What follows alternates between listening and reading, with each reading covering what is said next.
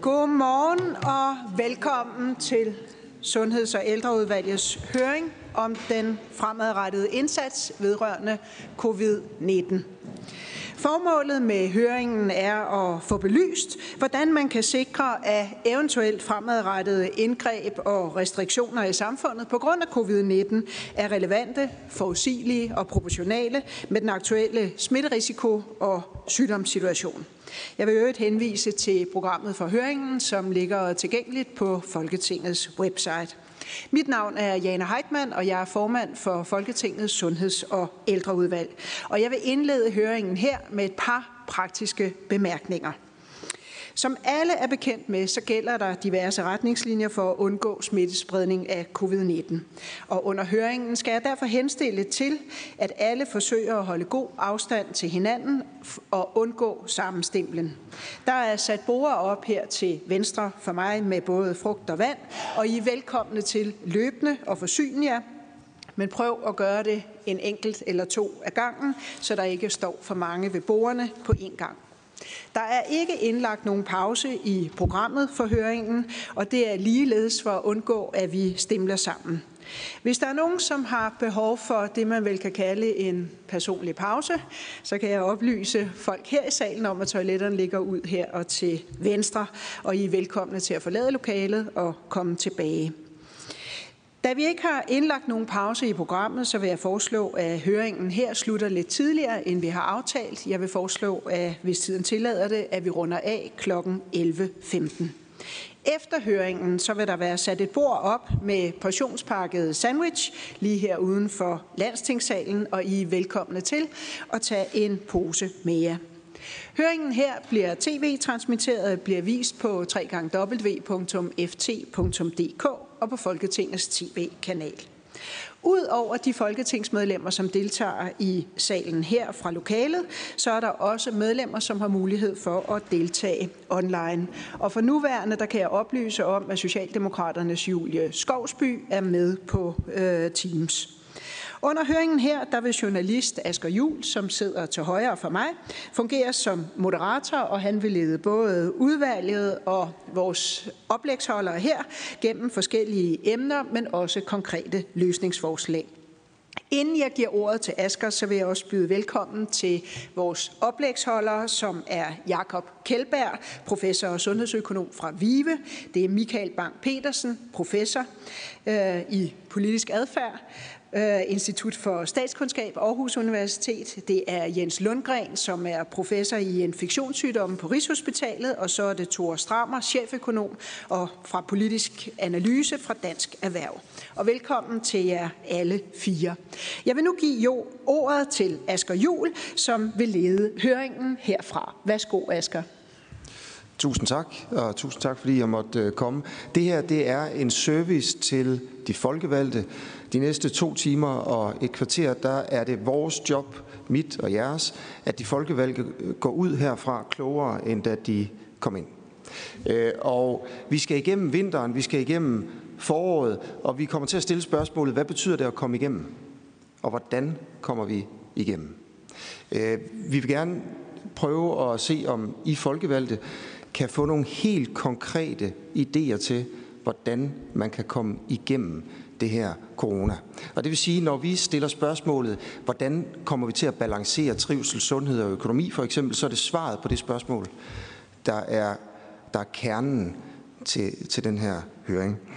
Øh, og jeg tænker egentlig bare, at vi går i gang med en kort runde, hvor I præsenterer jer selv, jer fire eksperter, øh, og svarer ganske kort på spørgsmålet, er det realistisk at lave et beredskab, et system, som man kender restriktionerne øh, eller lempelser af restriktioner i forvejen, før at man er nødt til at indføre dem, så alle kan forberede sig så godt som muligt. Og bagefter så får I lov til at øh, uddybe i 10-20 minutter, og så er det meget vigtigt for mig, at alle politikerne selvfølgelig kommer til ord og bliver hørt igennem hele processen her.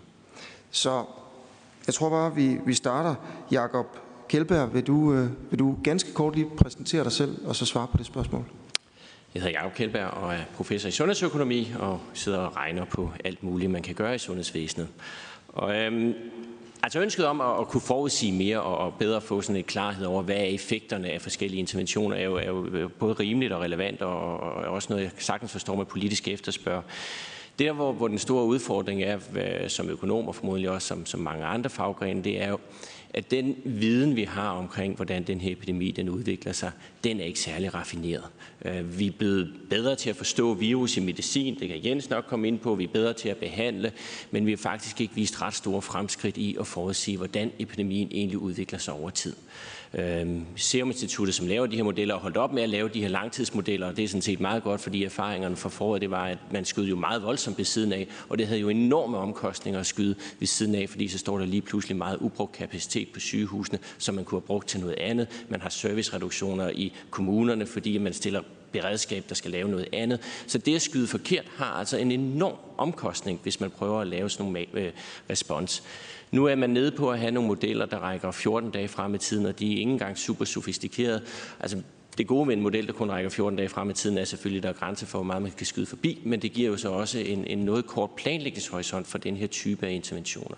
Så spørgsmålet er, om man kan sådan få en meget mekanisk tilgang til det. Det tror jeg ikke, men jeg tror godt, man kan være lidt mere forberedt i sin kommunikation omkring, hvordan er det for nogle ting, man pålægger folk, og hvordan skal man reagere på dem, og måske også få lidt mere viden om, hvordan det påvirker folk sådan ud fra et øh, et nytteetisk eller et perspektiv omkring, altså få klarlagt, hvad betyder de her konsekvenser egentlig for den enkelte, ud over for smittetallene, men også for økonomi og deslige. Okay, tusind tak, øh, Jakob. Og det er dit slide, som er deroppe nu her, som vi, vi kommer tilbage til lige om lidt. Thor Straumer, vil du forsøge at svare på det samme spørgsmål, og også lige kort præsentere dig selv? Ja, øh, jeg er også økonom øh, og repræsenterer så øh, Dansk Erhverv i dag. Øh, Øh, jeg håber meget, at man kan lave en, en model, en varslingsmodel, der kan give større øh, synlighed øh, og gennemsigtighed omkring, hvad det er, øh, hvilken retning øh, epidemien har, og øh, hvilke restriktioner, der går hånd i hånd med det øh, niveau, vi har for smitten, og i øvrigt også, hvad det er for nogle øh, hjælpepakker, øh, som vi kan blive, der kan blive koblet på den udvikling, vi ser. Øh, det at se for mit bord ekstremt vigtigt. Øh, der er ingen tvivl om, at virksomheder de er vant til at agere under usikkerhed. Øh, de økonomiske konjunkturer de skifter fra tid til anden. Men øh, den usikkerhed, vi kigger ind i nu, er ekstrem, og den kommer med ekstremt kort varsel, og det gør, at det er meget, meget svært øh, for virksomhederne at agere i et nuværende meget usikre niveau eller miljø. Og øh, det kan have store negative konsekvenser. Det påvirker øh, investeringerne, og dermed også det langsigtede øh, velstandsniveau. Det påvirker også deres øh, tilskyndelse til at ansætte nye medarbejdere, og dermed også være med til at forstærke den økonomiske nedgang. Så udover øh, at der skal være et fokus på, øh, hvordan øh, synet på, på den fremtidige smitte påvirker øh, mulighederne i, i sundhedsvæsenet, så bør der altså også være et, et, et, et skarpt fokus på, hvilke negative konsekvenser det har for de danske virksomheder, dermed også velstanden, og den dybde, vi kigger ind i, når vi kigger på, på de økonomiske konjunkturer det her. Tusind tak. Jens Lundgren. Ja, tak. Godmorgen alle sammen. Øh, jeg hedder Jens Lundgren. Jeg er professor i infektionsmedicin ved Københavns Universitet og overlæge ved Rigshospitalet. Øhm, for at svare ganske kort, det vil jeg godt have lov til at elaborere på, øh, så er faktum, at øh, vi har virus i samfundet, og derfor, om vi kalder det restriktioner eller ændret adfærd, øh, så er det noget, som der skal forblive øh, i hvert fald øh, de næste fire til seks måneder.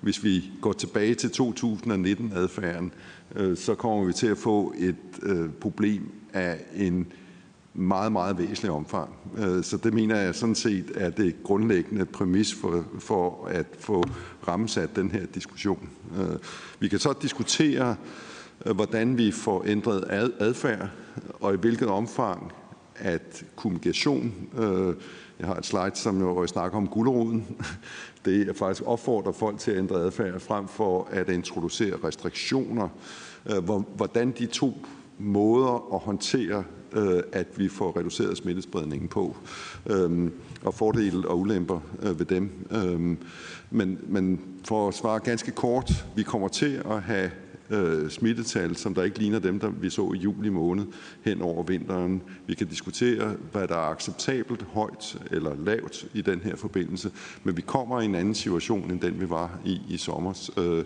øh, desværre øh, tror jeg, uanset øh, hvad vi gør, undtagen hvis vi laver det, som jeg tror, der er ikke nogen af os, der har lyst til, nemlig at fjerne alle folk fra hinanden. Øh, fordi det er selvfølgelig klart, hvis vi fjerner alle folk fra hinanden og putter hver person for sig selv, så kan der ikke være noget smittespredning. Men det vil jo være en helt ekstrem situation at gøre. Så, så i og med, at samfundet også på en eller anden måde skal kunne fungere, øh, så må vi acceptere en vis form for, for smittespredning, men den skal holdes nede. Tak. Michael Bang-Petersen. Ja, øh, tak for ordet. Øh, jeg er professor i statskundskab, hvor jeg forsker i politisk øh, adfærd. Og det vil sige, den ekspertise, som jeg kommer med, det er at forstå befolkningens støtte til politiske forslag og til det politiske system som sådan, og hvad for nogle konsekvenser støtten eller mangel på samme har. Derudover så leder jeg et forskningsprojekt, der hedder HOPE-projektet, som står for How Democracies Cope with COVID-19, som følger den danske befolkning og andre øh, landes befolkninger i forhold til netop de her spørgsmål omkring opfattelsen af legitimitet øh, og støtten til den førte politik og deres adfærd. Og det, som jeg vil fokusere på, det er det her spørgsmål om, om legitimitet. Øh, fordi jeg er helt enig i den præmis, som øh, Jens stiller op, at det her det er et langsigtet, øh, en langsigtet krise, og vi bliver nødt til at tage hul på den her diskussion om, hvad vi gør øh, langsigtet. Jeg tror, for at opretholde legitimiteten, så mener jeg ikke, øh, at det er nødvendigt at have et, et meget, meget klart øh, system, eller det, som øh, Irland eksempelvis har. Men jeg tror, der er en række ting, der skal gøres fremadrettet omkring at fastsætte de overordnede mål, som der er for indsatsen, og så især fastlægge beslutningsprocedurer, som sikrer transparens i beslutningsgrundlaget, og som øh, sikrer, at borgerne oplever at have medejerskab øh, til de beslutninger, der bliver taget. Og det mener jeg er vigtigt for legitimiteten, og det er vigtigt øh, blandt andet, fordi at legitimitet påvirker også efterlevelsen af de beslutninger, som bliver truffet. Tusind tak øh, for det her korte oplæg, og jeg kan se, at Liselotte Blikst allerede har meldt sig som en, som en taler. Det var hurtigt, det er jeg rigtig glad for. Øhm, men jeg vil godt lige udskyde det en lille smule, for jeg tænker, at vi tager det første oplæg, og så åbner vi for spørgsmål og, og for ordet Jakob Kjeldberg. Hvis du vil starte med at give politikerne her i dag nogle forslag til, hvad de kan gøre. Ja, øh, måske vil jeg næsten give et forslag til, hvad man ikke skal gøre. Øh, og, og det er det her automatiserede respons. Altså, øh, øh, jeg har ikke bare mere end en slide, så, så det er kun den der.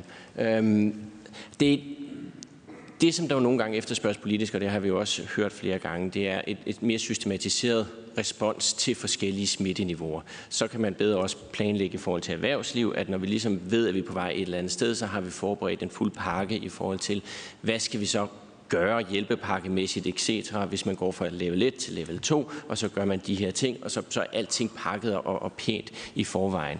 Og sådan, øh, jeg har sådan set oprindeligt en meget, meget lang øh, studietid fra, hvor jeg egentlig arbejder med planlægningsteorier, øh, og det er sådan det, vi kalder en blueprint på, hvordan hele verden ligesom skal udvikle sig efterhånden. Det vil være ønskeligt, hvis man kunne arbejde med sådan noget, hvis man har data, der understøtter, at man kan gøre det på en meningsfuld måde.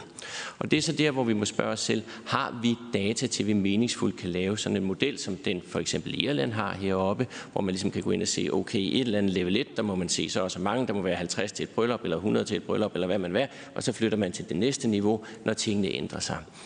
Det vil forudsætte, at vi faktisk vidste, hvordan epidemien ville udvikle sig, når vi lavede de her restriktioner.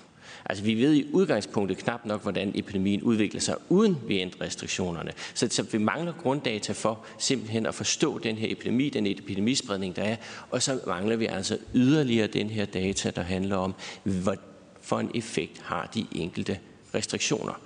Øh, hvis vi tager nogle af diskussionerne, som er meget offentlige, så kender vi for eksempel mundbindsdiskussionen. Den er jo egentlig ikke landet fuldstændig. Hvor meget virker mundbindene, hvor meget virker de ikke? Hvis vi vidste, så ville det være meget let at modellere ind. Så kan man sige, okay, mundbind koster så også mange penge. Det generer folk så også meget. Det har så stor effekt på smittespredning, som så har så stor effekt på dødeligheden. Det ville det, som sundhedsøkonom kunne regne igennem, men når vi ikke har de her grunddata, så er alle skæt et eller andet sted lige gode. Øhm, vi har diskussionen om rejserestriktioner. Øh, på et tidspunkt hen over sommeren eller forsommeren, der bliver man enige om, at 20 til 30, det er det her risikobånd, vi skal ud i. Det er meget fint at sige, okay, så flytter vi fra et level til et andet level med et land at rejse til. Men hvis er ens egen situation i samme periode ændrer sig fra, at vi har et smitteniveau omkring 10-15 stykker, til vi i dag ligger omkring 100 stykker per 100.000, så kommer så nogle niveauskift meget hurtigt til at virke sådan lidt forældet og stive i forhold til, hvad var det egentlig, vi ville opnå. Og det kommer så tilbage til den her diskussion, hvad vil vi egentlig opnå med den her strategi? Er det så også kendt? Og det tvivler jeg lidt på.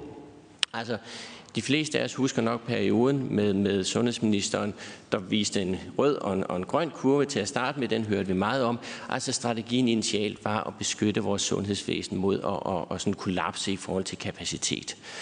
Hvis vi kigger på vores nuværende øh, kapacitetsudnyttelse, så, så har vi omkring 1.500 patienter indlagt med covid, og en tiende del af dem på, på, på øh, intensiv respirator. Det er i sig selv egentlig ikke noget, der sådan på kort sigt tror vores kapacitet. Der er sådan en meget større kapacitet, hvis det var virkelig det, man ville gå til. Der er altså en masse udfordringer i det, fordi hvad sker der så, hvis epidemien udvikler sig. Og, og ved vi så det? Nej, det ved vi ikke, så derfor har vi ikke et stort behov for at gå helt til grænsen.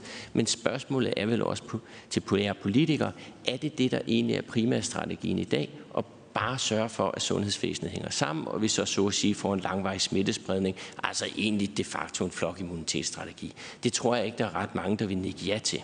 Så hvad er strategien så? Øh, strategien var så på et tidspunkt, at vi skulle, skulle sørge for, at så få som absolut muligt ville dø af den her sygdom. Ja, det er selvfølgelig også rigtigt, men det er jo, det er jo også et, en afvejning, og spørgsmålet er, om vi egentlig ikke er kommet hen i en tredje strategi, der handler om det, jeg kalder modeling through. Øhm, altså, vi prøver at hænge, holde sammen så godt både på sundhedsvæsen, på samfund, på økonomi, indtil at den her vaccine forhåbentlig kommer på et eller andet tidspunkt. Så den her idé om det meget sådan faste blueprint om, at nu gør vi sådan her, kræver jo også, at vi ligesom ved, hvorfor vi gør det. Og når alting er i bevægelse, også effekterne af interventionerne, også vores forståelse af, vores, hvordan epidemien udvikler sig, også forståelsen af, hvor farligt er det her egentlig i forhold til, at vi hele tiden finder bedre behandlinger, jamen så er det jo en kontinuerlig politisk afvejning i forhold til, hvad er det for nogle interventioner, man skal foretage, og ikke noget statisk, som det ville blive, hvis vi putter det ind i en modelberegning. Den der statiske idé med perfekt information, ja, fra en videnskabsmands perspektiv, så ville det være noget, vi efterspurgte. Jeg er bange for, at vi ikke rigtig kan levere det. Når man nu kommer en restriktion, og det har vi jo set hen over sommeren, om at man ikke må samle så mange, jamen hvad sker der så? Det er jo også det her de konsekvenser, der kan være af nogle interventioner. Altså, vi så jo en masse piratfester, hvor lige pludselig festerne foregår under nogle langt mindre sikre vilkår, end det ville have gjort i det etablerede miljø med afstand og mundbind og sprit. Hvad for nogle konsekvenser? Har vi evne til at forudsige de her negative afledte konsekvenser? Nej, det har vi heller ikke. Det er også noget, der hele tiden må adresseres i forhold til, formodentlig noget det Michael kommer ind på, hvorfor en vilje er der egentlig i befolkningen til at efterleve forskellige restriktioner, som også kan være dynamisk i forhold til, at man kan se den lange vision. Så sådan et element som, som Irland, det, det er meget let at tegne, og det har man jo sådan set også gjort i Irland. Hvad, hvad må vi på forskellige niveauer? Men i Irland ved jo heller ikke, hvornår man skal flytte mellem de forskellige niveauer. Så bliver det noget, man kan tegne, men hvis vi ikke ved præcis, hvornår går vi egentlig fra level 1 til level 2, det betyder ikke, at vi ikke kan planlægge mere, for det tror jeg sådan set godt, vi kan. Altså, øhm, og det gør man allerede ude på sygehusene. Der har man jo beredskabsplanlægninger, hvor man går fra level 1, 2, 3 og så videre. Og det hænger jo fint sammen med, at der kan man se, at nu har vi så og så mange, der er indlagt, og så har vi egentlig god data til inden for en 14 dage periode formodentlig at antage, hvor mange flere bliver indlagt, fordi det ved vi hænger sammen med smittetal og den tid, det tager at blive syg. Der giver det rigtig god mening at lave sådan nogle ting, og det er man også blevet meget bedre til. Vi kan også blive bedre til, end det vi var i foråret, til at have en kommunikation mellem kommuner og regioner på, hvor meget kapacitet skal der stå i kommuner, og hvornår aflyser man kapacitet, så man hele tiden sikrer, at den omkostning, der er knyttet til de her nedlukninger, ikke bliver for stor. Altså det her med, at vi aflyser enormt meget kapacitet ude i sygehusvæsenet med store pukler til følge, som jo også har et enormt omkostning. Den type operationelle konsekvenser. Kan vi blive bedre til, det? Kan vi gøre endnu bedre.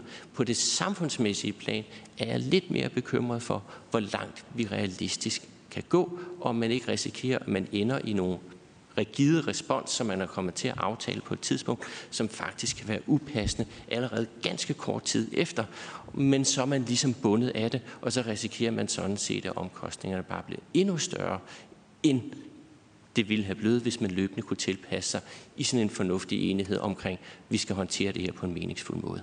Og det er jo selvfølgelig et stort krav, at man sådan ligesom for borger siger, at man politisk set skal kunne, i en vis enighed kunne håndtere det her løbende. Men på den anden side må man jo også sige, at langt hen ad vejen er det jo sådan set lykkedes relativt godt i den her periode. Og efter vinter, så kommer der et forår med en vaccine. Så spørgsmålet er, om man ikke egentlig er bedre tjent de her 4-5 måneder og prøve at arbejde videre på den måde, man faktisk har adresseret det indtil videre.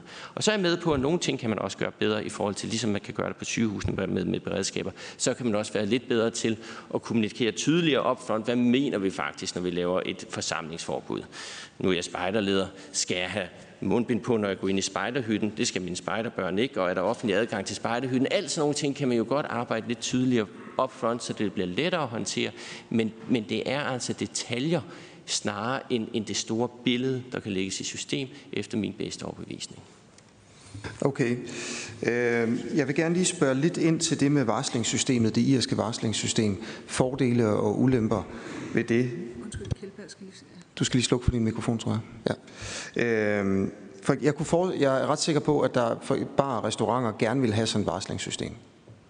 Øh, det vil hjælpe deres, deres måde og deres mulighed for at planlægge ting.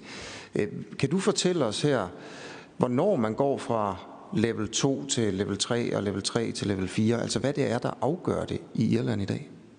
Det er der ikke klar beslutningsgren for. Og det er jo det, der gør det lidt problematisk. Så når man ikke ved præcis, hvornår man går fra det ene til det andet, og det er alligevel at samsurium er, er, er alt muligt med smittetal, dødelighed osv., osv., så, så spørgsmålet er, om det er så meget mere forudsigeligt, når det kommer til stykket. Man ved jo trods alt, hvad der sker næste gang. Man ved bare ikke, hvornår næste gang er. Ja, men der er det, jeg siger, at langt hen ad vejen, så ved vi jo også godt, hvad det er for nogle redskaber, vi har i Danmark, vi kan, vi kan arbejde med. Vi har nogle mundbindskrav, vi har nogle forsamlingskrav, og vi har nogle, nogle restriktioner i forhold til undervisning og den slags. De ting kan man jo godt arbejde med og kommunikere tydeligere ud, hvad er det for nogle hjælpepakker, eller indikative hjælpepakker, for i sidste ende skal det jo besluttes, øh, man vil arbejde med. Man kan også arbejde på den kommunikationspakke, så den ligger mere klar op front. Men når man alligevel ikke ved, hvornår man kommer, eller hvorfor, og hvornår man skal implementere dem, så, så er det spørgsmål, om det, det giver mening at have så lang række af respons, som man har. For det man jo ligesom har bundet sig til, når man ligesom siger, at man har et level 1 med mange ting, så har man jo også bundet sig til en masse ting, når man går til level 2. Og den viden, der er i dag, der hele tiden udvikler sig omkring effekten af interventionerne, effekten af de medicinske behandlinger, vi har, virkningen af de forebyggende initiativer og efterlevelsen af dem ikke mindst, så, så, så er det nok svært at have så tydelig, entydig respons på et smittetal eller en dødelighedstal, hvor man så i gang sikrer en hel masse, hvor viden i den her situation her lynende hurtigt bliver forældet. Okay. Øh, lad os lige dvæle lidt ved den irske model, som jo måske kunne blive den danske. Hvem ved? Jeg bare lige et sidste spørgsmål til dig, inden jeg også åbner ordet, Jakob. Øh, fordi Mette Frederiksen har jo også nævnt øh, den her varslings, det her varslingssystem. Hun sagde i afslutningsdebatten i juni måned til efteråret, hvor vi risikerer ny eller højere smitte, vil vi basere indsatsen på et nationalt varslingssystem, hvor myndighederne på baggrund af objektive tal for smittespredningen udformer en risikovurdering, som samtidig er knyttet til de indsatser, der kan sættes i gang for at reducere smittespredning.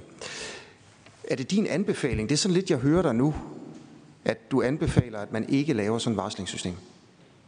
Jeg synes, det er fint med varslinger. Jeg tror bare, man skal tilpasse sit respons til den viden, man har på det givende tidspunkt, som er dynamisk.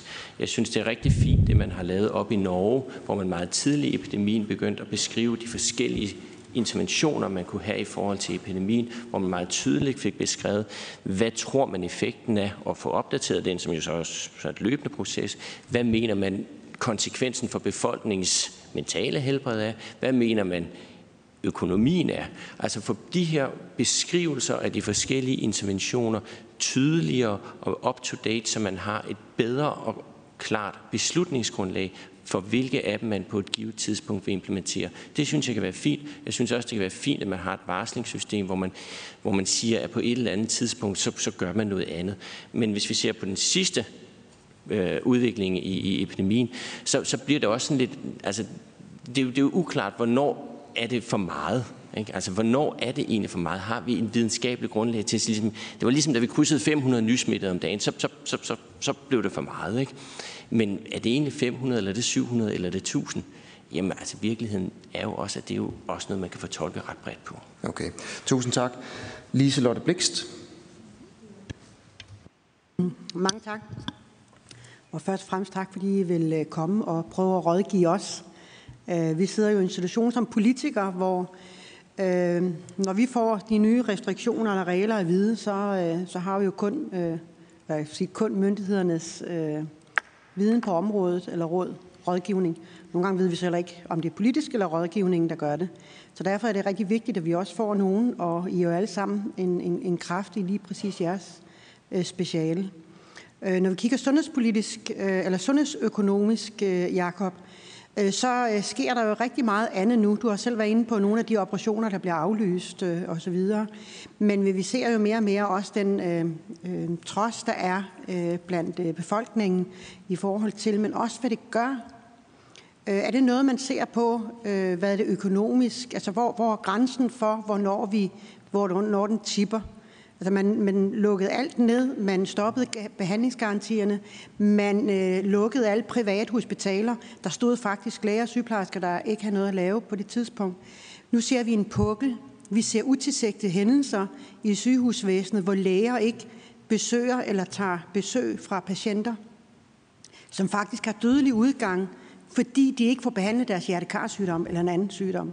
Vi har kræftpatienter, der måske det samme. Altså, hvor går grænsen for, hvornår øh, man, man, man laver skrappe restriktioner, så man udelukker alle andre patienter, og derved skubber en anden økonomi frem?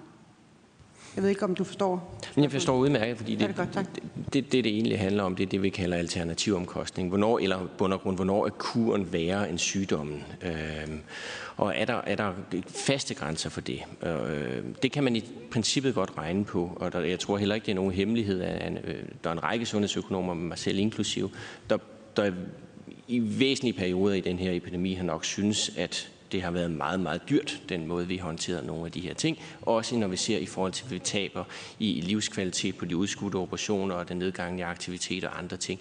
Det er jo den der øh, øh, balance. Det, der er den store øh, øh, udfordring, det er, at når vi ikke kan regne på konsekvensen for alvor af, hvad ville det betyde, hvis vi havde lukket lidt mindre ned i modellen.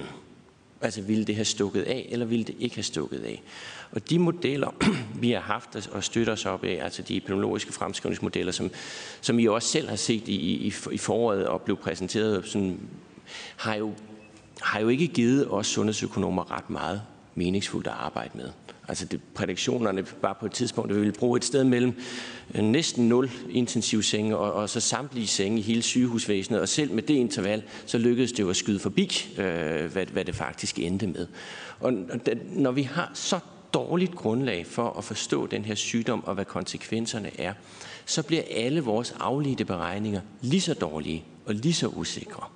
Men jeg mener, det er der, hvor det sådan set var relevant, det man lavede i Norge, at man prøvede lidt mere systematisk at kigge på de enkelte interventioner og beskrive, hvad er forhåbningen på det her, og hvad er de kendte afledte. Det vil altså sige, når vi lukkede alt aktivitet ned, på det elektive område, altså det planlagte område i sygehusvæsenet, så kan vi jo godt regne ud baglæns, hvor mange kvalitetsjusterede leveår, som vi ville kigge på i et medicinråds sammenhæng, der egentlig tabes på det. Og det er jo det er et meget, meget stort og betydeligt antal, det er der ingen tvivl om. Øhm, så, så, så men når vi ikke kender det så præcist i forhold til epidemiudviklingen, så er det måske snarere med at få lavet nogle mere smidige perioder, hvor man så meget hurtigt og meget responsivt kan lukke op og, og, og lade være med at lukke ned for længe. Og når vi kigger tilbage i bagspejlet, øh, bagspejlet øh, ulideligt klare lys og kigger på denne epidemi, så er der da ingen tvivl om, at den måde, vi håndterede det i foråret med den meget massive nedlægning omkring vores sundhedsvæsen, vil stå som noget, man havde ønsket, man havde gjort på en anden måde. Men om det samme gør sig gældende til efteråret og vinteren, at det er langt vanskeligere at spå om. Fordi vi igen, så har vi ikke den her viden om, betyder det her så lige pludselig, at epidemien accelererer ud på en måde, så vi ikke kan beskytte altså de almindelige akut indlagte, og så er det konsekvenserne bliver enormt store. Stinus Lindgren fra De Radikale. Ja, tak for det, og tak for øh, alle jeres øh, oplæg indtil videre. Øhm, der er jo rigtig meget interessant her, man kunne, man kunne spørge ind til. Jeg er fuldstændig enig i det her med at lave en meget rigid plan. Det giver ikke meget mening. Altså, der er ikke nogen af os, der kan vide, hvornår øh, epidemien er på et givet niveau. Og det er også klart, at hvis vi har et kontakttal på 1,5 eller 2, så betyder det ret meget, om vi har en smitte eller 1000 smitte ud i samfundet. Det, det ved vi jo ikke. Så jeg synes, det med at have en fleksibilitet og en mulighed for at lave lokale tiltag, det er fuldstændig afgørende. Det er jo selvfølgelig klart, at hvis der er et udbrud lokalt, som øh, handler om ansatte på en, en hvad hedder, slagteri for eksempel, så skal man gøre noget andet, end hvis det er på en ungdomsuddannelse, eller hvis det er spredt ud i samfundet. Men det, jeg, øh, jeg tror rigtig mange efterspørger noget, det du er inde på, det er den norske tilgang, det her med åbenhed omkring, hvad er det for nogle restriktioner, vi overhovedet har på bordet, øh, og hvornår kan man forestille sig, at det kommer i brug, så man har en eller mere klarhed omkring det. For eksempel øh, 10 personer, eller nu skal vi holde op med at sælge alkohol efter kl. 22. Den slags klarhed øh, er jo vigtigt, og så tidlig kommunikation, så folk kan nå at forberede sig på det. Også at man ikke kan sige det på dato, kan man sige, okay, vi går i den her retning. Hvis det fortsætter på den her måde, så skal jeg nok forberede på om to uger. Så kan det altså godt være, at vi skal, eller om en uge, at vi skal til at gøre noget. Alt, hvad man kan give nu gik vi fra, at det var fra et, et fredags pressemøde til, at det trådte i kraft mandag. Øhm, fra, tidligere var det fra fredag til lørdag. Det er trods alt et par dage, men mere at have en mere klarhed omkring det. Jeg tror, noget af det, der gør, folk er, øh, nogle folk er lidt opgivet ud, det er netop, at man ikke kan nå at forberede sig på det. Og vi ved jo godt, som du selv siger, vi har jo en vis idé om, hvad det er, der kan komme på i spil. Det er alle os, der følger det her, alle der sidder her, har en rimelig god billede af det, men det er jo ikke alle, der har lige så meget øh, indsigt i, hvad der foregår, må man jo antage, trods alt. Så klarhed er jo vigtigt. Og når man så kigger på den situation, vi står i i dag, det var jo forudsigeligt. Jeg kunne ikke sige, hvilken dato det ville ske, men vi vidste jo godt, at det ville ske. Så det ville jo være fornuftigt, at man havde sagt, prøv her, når det sker, så vil vi gøre sådan og sådan og sådan. Fordi det, alle ved det. Alle ved, at når efteråret kommer, så bliver vi mere syge, og det vil også selvfølgelig påvirke corona-epidemien. Så den, den klarhed med alle de forbehold, der er, den, den tror jeg sagtens, man kunne gøre noget ved, selvom jeg er enig i, at det deroppe, det kommer vi aldrig til at få, og det, så vidt jeg ved, så afviger det jo også fra det stort set fra dag 1. Øh, så hvis jeg husker, så blev det anbefalet at gå til niveau 3, eller så til niveau 5, og de sagde, ah, det vil vi ikke, vi går til niveau 3. Så det, det, altså enhver plan dør, når den møder virkeligheden. Det er det, der, der er problemet, hvis den er for rigid. Fordi virkeligheden er ret fleksibel. Men det er jo stadigvæk muligt at have en vis øh, idé om, hvad der kommer til at ske. Øh, og den, den, den plan, eller hvad du vil kalde det, den strategi, den er vel mulig på en eller anden måde at kommunikere klarere ud. Men det er jeg fuldstændig enig i, og jeg altså det er derfor, jeg igen og igen nævner den, den norske tilgang, hvor man får beskrevet de her elementer i planen og får prøver at få dem opdateret lidt. Det, det mener jeg er, er det helt rigtigt, og jeg mener også, at der er noget god mening i, at man ikke implementerer de her sanktioner fra dag til dag, altså så følsomt er den her udvikling heller ikke, og Michael kommer nok ind på det, men der er jo også noget, der tyder på, at folk faktisk allerede før sanktionen kommer, er begyndt at tilpasse sig, at det sker, fordi alle følger jo med den her smitteudvikling, og på den måde, så sker der jo allerede en, en tilpasning før man politisk set egentlig har lavet sanktionen. Så, så den der meget akuthed med at, ligesom at have stået med brylluparrangement dagen efter, det blev, blev aflyst om, om, om aftenen, altså det er der så, så, så, hissigt er det her altså heller ikke, at man ikke godt kan indbygge nogle dages varsling i det. Det tror jeg også er en læring, man må sige. Mm, og, og, og, og så, så, så tror jeg sådan set bare, at jeg er fuldstændig enig med dig i at sige, de her interventionselementer, altså gøre noget mere ud af at få dem beskrevet, både få dem beskrevet i forhold til deres epidemiologiske sikkerhed, men også noget i forhold til, hvad er det for befolkningens trivsel de påvirker. Altså der er jo en væsentlig forskel på det her, hvilke økonomiske konsekvenser de har, og på den måde så skabe et bedre politisk beslutningsgrundlag i forhold til, hvorfor nogle af dem med den viden, vi har lige her og nu, synes man ser bedst ud at implementere. Det, det mener jeg lidt, man skylder, og, og, det, der, og der kan jeg godt købe lidt ind på den, den idé, der handler om, at man måske bare er meget bundet af noget rådgivning, primært fra noget epidemiologisk eller øh, som, som ikke måske har de her øh, mere samfundsfaglige hensyn til. Og det, det er noget af det, man arbejdede altså meget upfront med i Norge, og noget vi ikke rigtig for alvor er kommet til i Danmark, selvom vi faktisk er ret langt hen i epidemien, og det kan jeg da bestemt kun støtte, hvis man vil arbejde i den retning. Okay, øh, fantastisk. Jeg vil meget gerne lige nu, selvom der er flere, der har meldt sig til at stille spørgsmål, have Thor Strammer på, på banen fra, fra Dansk Erhverv. Øh, hvad siger du til sådan en plan, som Ierne har lavet, og hvad vil du øh, foreslå, at man gør i Danmark? Altså overordnet, så, så, så er der sådan tre kriterier, som vi, vi ønsker, der er fokus på. Altså der skal være, det skal være objektivt, så vidt muligt. Øh, der skal være en høj grad af gennemsigtighed, og så skal det også føles fair. Øhm, og så kan man sige, hvad kan man gøre i forhold til at gøre det objektivt? Øhm, se for dansk erhvervslivs øh, stol, så, så er, har vi jo været i en situation, hvor alt efter hvilken ekspert, der udtaler sig, øh, så er der fokus på forskellige nøgletal. Om det er smitteprocent, antal indlagte, antal døde, øh, udviklingen i, i smittetryk, generelt kontakttallet. Øh, der er mange tal, der er op at vende, øh, og de får forskellig vægt i, i, i takt med, at epidemien den udvikler sig. Og det forstår jeg jo udmærket godt, fordi det er en, et, et, en sammensat øh, størrelse at øh, se på. Men det giver ekstremt stor usikkerhed og ikke en særlig stor grad af forståelse ude hos de danske virksomheder, at der er så stor udsving i, hvad det er for nogle tal, man skal holde øje med. Øhm, så, så her er vi jo øh, bestemt fortæller for, at man laver et, øh, et system på en eller anden måde, der bliver mere øh, gennemskueligt og, og objektivt. Øhm, som økonom, der er vi jo vant til at se på en økonomi, der kan være i højkonjunktur, lavkonjunktur og, alt midt imellem. Og det minder jo på mange måder om en, en, en udvikling i en, en, i en epidemi. Øh, og som økonomer har vi også en række værktøjer, der gør os i stand til at vurdere dels, hvor økonomien står hen nu, og hvor den er på vej hen. Øh, og det er blandt andet øh, et arbejde, som Danmarks Statistik foretager, hvor de øh, med baggrund i, spørgeskemaundersøgelser spørger virksomhederne, øh, hvad er forventningen til beskæftigelsen, hvordan ser det ud med jeres omsætning i øjeblikket, ordreindgang, jeres lærerbeholdning med videre, og på baggrund af de informationer, så laver de et, øh, et, et konjunkturbarometer, hvor man så at sige kan se, om der er, ja, vi ligger sådan på omkring et neutralt niveau, eller om der er højkonjunktur, eller vi er på vej ind i en lavkonjunktur. Og vores ønske kunne jo godt være, at man øh, med, med hjælp fra Danmarks Statistik øh, og fik op, øh, oparbejdet et bedre datagrundlag, kunne arbejde hen imod, at man fik et, øh, et, et smittebarometer, om du vil, øh, som, som skal være vejledende, det skal være dynamisk, øh, men som kunne give os en indikation på, hvor ligger vi henne. Er vi på vej fra det grønne op i det gule, nærmer vi os det røde, øh, hvor ligger vi henne? Fordi det er sådan, når vi kigger på de data, vi har til rådighed nu, så er enig i, at kvaliteten er øh, svingende. Øh, og det er også meget svingende, hvilket nøgletal, der er mest relevant. Øh, og det giver bare øh, en meget, meget øh, stor usikkerhed, og det, om, og det bliver ikke opfattet som øh, fair. Øh, så det er i hvert fald vores ønske, at man på en eller anden måde arbejder sig hen imod at øh, få en bedre øh, datasikkerhed, datakvalitet, og man med et samarbejde med Danmarks Statistik måske også kan, kan bidrage med et nøgletal, der kan give et, et, et, en samlet information omkring, øh, hvor øh, smitten er henne, målt på et, et barometer. Og så er det vigtigt at sige, at, øh, at det skal ikke være rigidt. Øh, det skal ikke øh, være en, en rettevejledning, hvor, hvor ved, at så kan vi sige, hvis vi ligger her, så skal vi ud og have de her øh, restriktioner og den her hjælpepakke. Det skal et, være et instrument ud af mange, øh, men det vil give en, en god rettesnor, øh, som, som virksomhederne kan agere efter.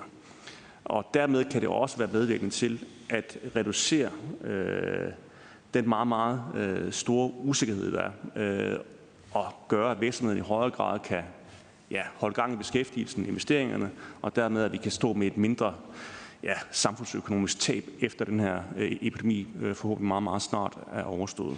Det er i hvert fald ønsket herfra. Øh, og øh, så ved jeg godt, at det er jo en proces, der formentlig øh, ikke bliver, bliver kort. Øh, men øh, som jeg også hører eksperterne sige, så er der jo også øh, desværre en risiko for, at øh, den her øh, epidemi den, øh, kan gå hen og blive langvarig. Øh, så øh, med rettidig omhu, så mener jeg bestemt, at, øh, at, øh, at der er god grund til at lægge øh, nogle ressourcer i retning af at øge datakvaliteten. Få øh, lavet øh, en, et, et barometer, et, nogle tal, der, der i højere grad kan give en, en, en objektiv information omkring, hvor epidemien er på vej hen. Øh, hvad det er for nogle øh, restriktioner, vi eventuelt kigger ind i. Øh, og øh, hvad, øh, så vi også får en fairness i de, øh, de øh, hjælpepakker, der kommer. Og så øh, lige så vigtigt, øh, og det er nok øh, også en meget, meget stor bekymring, vi hører ude fra dansk erhvervsliv, det er, øh, ja, vi får nye restriktioner, øh, men hvad skal der til, før de restriktioner bliver rullet tilbage igen? Øh, den information er ikke til stede, øh, og øh, det er meget, meget svært at agere i. Har vi et, et, et overordnet barometer kan, kan, kan et eller andet sted sætte en, sætte en pil på, være med til at kvantificere, øh, i hvilken retning går udviklingen, så er det også noget information, der kan være meget, meget øh, givetigt øh, for, for, for, for danske virksomheder. Øh, så det er i hvert fald øh, håbet, og nu bliver mit håb lidt mindre, eller jeg har hørt input heroverfra, men det er i hvert fald mit håb, at man kan, kan arbejde sig hen imod øh, en model, der kan give øh, en større øh, klarhed, det kan blive mere objektivt, og dermed opleves det også mere fair. Kan du være mere konkret med, hvad det er, du efterspørger? Du behøver ikke være det, men, men hvis du kan, hvor du meget gerne være det. Øh, I forhold til, om der er andre lande, der for eksempel har sådan en smittebarometer eller, eller sådan en nøgletal, som, som du godt kunne tænke dig. Og også mere om, hvad det er for en plan, du godt kunne tænke dig. Nu sidder vi også og kigger på den irske model, hvor man kan se, at i level 3, jamen der er der en, et vilkår for barne, restauranterne og sportsarrangementerne, som er anderledes end level 2 og level 4. Øhm, hvor konkret er dansk erhvervsliv i forhold til, hvad I godt kunne tænke jer, at man lavede af systemer? Altså, der, der, der, altså øh, det er jo klart, at det, det, det ser meget tillokkende ud, øh, det der er på sliden deroppe, og det er jo meget øh, detaljeret. Øh, men jeg tror også, jeg er enig i, at, øh, at det, det er en detaljeringsgrad, der ikke, der ikke holder med, med, med mødet med virkeligheden. Øh, så jeg synes også, der skal være en, en, en stor portion af, af, af ydmyghed og ærlighed i, i, i, øh, i, i det i den strategi, man så får øh, lagt for, for en varslingsplan. Øh, øh, men det er klart, at øh, sætte et lille fremskridt øh, på den information, vi kan give virksomhederne, det vil gøre en stor forskel i øjeblikket, hvor, hvor usikkerheden er så markant, som den er.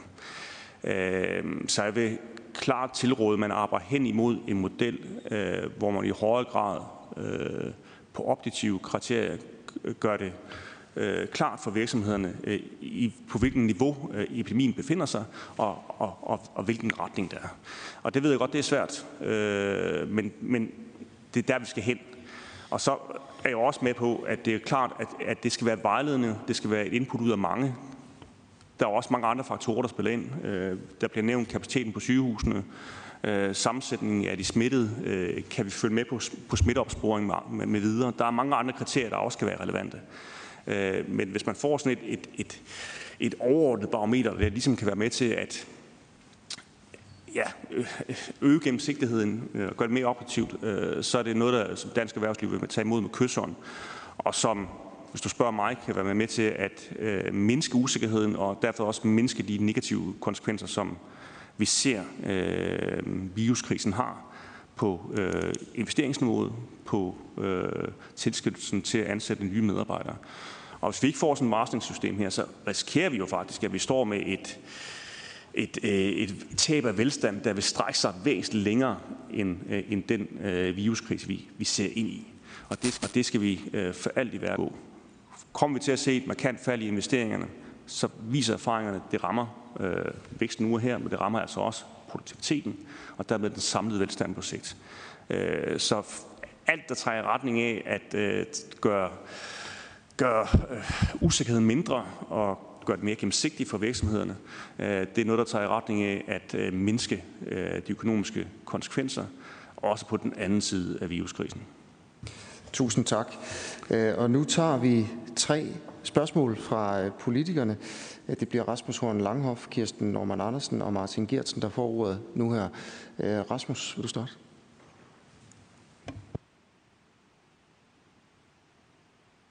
Så tager vi lige Okay. Så. Okay. Tak for jeres øh, bidrag. Øh, hvis vi lige kigger lidt på det her Irlands varslingssystem, det er jo i virkeligheden lidt spøjst i mine øjne, at det bliver hævet frem som det helt store, øh, spændende eksempel. Øh, både, altså Dansk Erhverv har jo snakket om det øh, længe, og talt meget om det, varmt for det længe. Der er jo også nogle af mine politiske kolleger, der har talt varmt om det, eller varmt for det her varslingssystem. Øh, men det er jo netop et meget rigidt varslingssystem.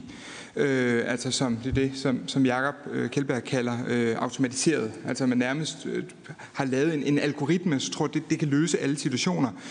Problemet er jo bare, hvad gør man så, når der sker noget uforudsigeligt? Så kan man enten følge varslingssystemet og risikere, at man gør for lidt eller for meget, og så mister du noget legitimitet, og du øh, mister noget effektiv, hvad hedder det, øh, coronahåndtering, eller du må afvige fra varslingssystemet, og så mister du noget forudsigelighed og noget tiltro til varslingssystemet, og det begrænser, hvor mange gange du kan gøre det, før man bare må sige, det her varslingssystem giver ikke den ro i maven, som din egen direktør sagde, at det her skal varslingssystem vil give erhvervslivet ro i maven. Jeg er ikke sikker på, at det giver ro i maven. I hvert fald ikke at lave det så konkret. Der bliver nødt til i min verden at være noget fleksibilitet og gøre, at det netop ikke bliver for automatiseret, men der er mulighed for at afvige fra det.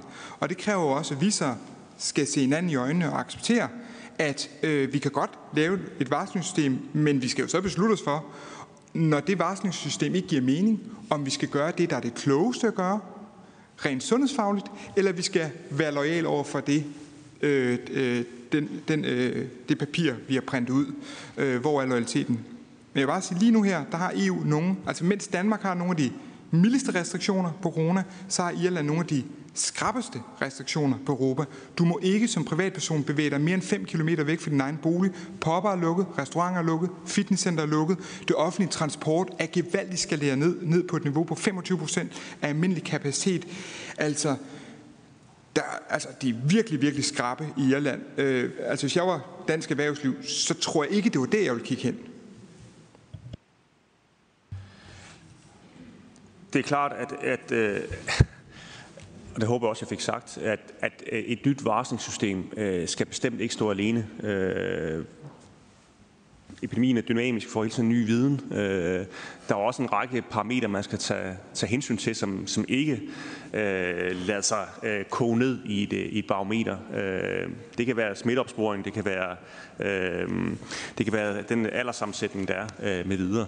Øh, men et skridt i retning af at øge informationen til virksomhederne, øge øh, gennemsigtigheden, at det vil være et øh, fornuftigt øh, skridt.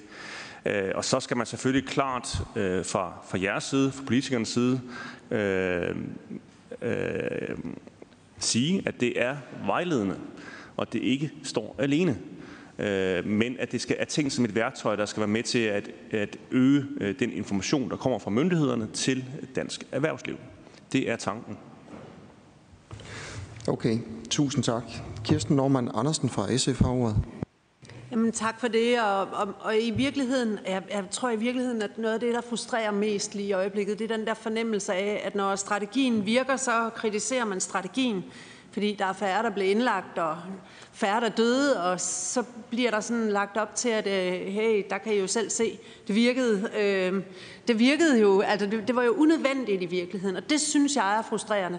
Og derfor så synes jeg jo også, at der er brug for, os til dig, Jacob, at, at tale måske den der hammerdans øh, strategi meget mere op. Altså jeg tror, der er mange danskere, der godt ved, at vi er nødt til at skal handle i situationen lige i øjeblikket. Og, og, og i forhold til dansk erhverv, Altså, jeg synes jo, sommeren er et rigtig godt eksempel på, at det var godt, vi ikke havde det der system, fordi vi havde faktisk stor smitte, men det var lokalt. Øh, vi kunne begrænse det til et slagteri, eller et bryllup, eller en begravelse, eller nogle mink, eller et eller andet, og derfor så kunne man også håndtere det lokalt. Hvorimod, altså lige nu er det samfundssmitte sådan mere generelt, så bliver man også nødt til at gøre noget mere generelt.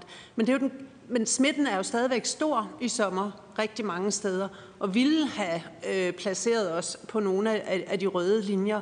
Og, og det slap vi for i det meste af landet. Så, så, så, så mit spørgsmål er i virkeligheden også, altså hvad er samfundsøkonomisk klogt? Altså hvis jeg sammenligner Irlands, nu er jeg ikke økonom, det er du, øh, men, men hvis jeg sammenligner Irlands øh, øh, økonomi som følger af den her øh, forfærdelige irriterende virus og den danske, hvor klarer vi os så faktisk bedst? Og lidt det samme, Jacob, i forhold til, til sundhedsøkonomien, fordi altså nu, nu kan jeg godt høre, at jeg har kolleger, der siger, at, at, at der er patienter, der ikke bliver behandlet. Øh, det håber jeg virkelig ikke, altså fordi jeg synes jo netop, det ser ud som om, at fordi vi lykkes at holde smitten nede, og også har fået bedre behandling og ved mere om det, så lykkes det også at få øh, behandlet øh, Øh, at undgå, at så mange patienter bliver indlagt. Altså vi får stoppet smittekæderne, før det kommer så vidt, at patienter de skal indlægges. Så det, lægges. så det giver jo plads til, at vi stadigvæk også kan behandle de andre patienter. Hvorimod, hvis vi havde fyldt op på intensivafdelingerne og havde døde patienter, øh, i, altså mange syge patienter, der skulle ligge på intensivafdelingerne, så ville det jo netop få konsekvenser for kræftbehandling og hjertebehandling og alle de andre patienter, der også skal være plads til. Så den balance, den giver vel i bund og grund rigtig god mening, hvis man kunne holde niveauet som cirka der, hvor vi er lige i øjeblikket. Altså det er jo det, vi skal stræbe efter, og ikke vente på, at øh, kapaciteten den øh, øh, krakker for os. Eller hvad? Altså, øh, det, det, det, det er meget klart, at, at øh, dansk erhverv er bestemt for, at vi har en meget, meget øh, stram styring, og vi også har øh, formået at holde øh, smitten i skak med, med, med, med restriktioner og, og øh, ændret adfærd. Det er der ingen tvivl om, for der, hvis vi først Øh, jeg tror Jens Lundgren øh, nævnte, det. hvis smitten den kører, kører løs, så vil det have store, øh, meget, meget store, betydelige øh, sundhedsmæssige konsekvenser, men det vil sørme også have meget, meget store økonomiske konsekvenser, nærmest uoverskuelige konsekvenser. Så der skal vi ikke ende. Øh, det, der er ønsket fra os, det er ikke, at vi skal have færre restriktioner, det er, at vi skal have øh, så målrettet og rigtige restriktioner som overhovedet muligt. Øh, og vi øh, forbedrer det grundlag, hvorpå vi træffer beslutninger om, hvilke restriktioner, der gennemføres hvornår.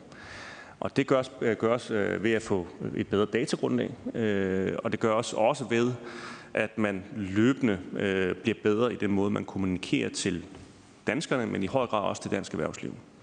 Det er ønsket. Øh, og der er øh, øh, i hvert fald ud fra det, jeg hører fra for de medlemmer, vi er i kontakt med, så mener de, at, at der er øh, grund til at kunne forvente en vis forbedring på, på særlig den kommunikative del. Martin Gertsen fra Venstre har ordet. Tak for det, og også på mit partis vegne, tusind tak, fordi I stiller op øh, her i dag. Det er vi meget øh, taknemmelige for. Jeg, jeg vil i virkeligheden øh, helt tilbage til noget af det, Jakob øh, indledte med, eller hans indledende øh, betragtninger. Jeg er meget enig i det der med, at man måske godt kunne ønske sig sådan lidt mere, altså når man kommunikerer, der var lidt flere proportioner. Jeg tror, du sagde noget med, at det kun var epidemiologer, man ligesom havde sat til at håndtere den her situation. Hvis jeg skulle være lidt lavpraktisk, så kunne jeg, jeg savner sådan en økonom til de der pressemøder. Altså, øh, øh at der var en økonom, som stillede sig op og sagde, hvad er egentlig konsekvensen af det, vi gør, hvis man kigger på økonomien. Jeg stiller dig lige et lidt naivt spørgsmål, fordi øh, du, du sagde på et tidspunkt i dit indlæg, at når nogen synes, at noget, jeg øh, citerer lidt frit, når der er nogen, der på et tidspunkt beslutter, at nu er det for meget, og så gør man noget. Altså, at man kigger lidt på parametre, og så er der nogen, der synes, det er for meget, og så gør man øh, noget. Og nu vil jeg så stille dig spørgsmålet, hvad er altså for meget? Og det er i virkeligheden det, jeg synes, der er det, det mest interessante spørgsmål. Du, kan, du vil så sikkert sige det ud fra en eller anden samlet vurdering af nogen, der sidder og gør det. Og så. Men, men det er jo det, der, jeg synes, der er det springende punkt, og det er interessante at få svaret på i den her debat. Det er, hvornår er, altså, hvem er det, der skal beslutte, hvornår for meget er for meget? Øh, og, og hvad er det, man skal basere beslutningen om, at noget er for meget på? Altså, hvem, hvem, hvem, altså forstår du min, øh, mit, mit, øh, mit, mit spørgsmål om for meget? Ideelt så, så gjorde vi det her med for meget på, hvor, på den perfekte viden. Og det er jo der, hvor vi jo øh, er blevet ladt lidt i stikken af, af dem, og det er ikke en kritik af epidemiologerne, de gør alt det, de kan, men altså virkeligheden er bare, at det giver os ikke ret meget, det vi får. Så, så, så et eller andet sted vil jeg måske hellere vente til at sige, hvordan sikrer vi, at vi får alle aspekter med, når vi gør noget.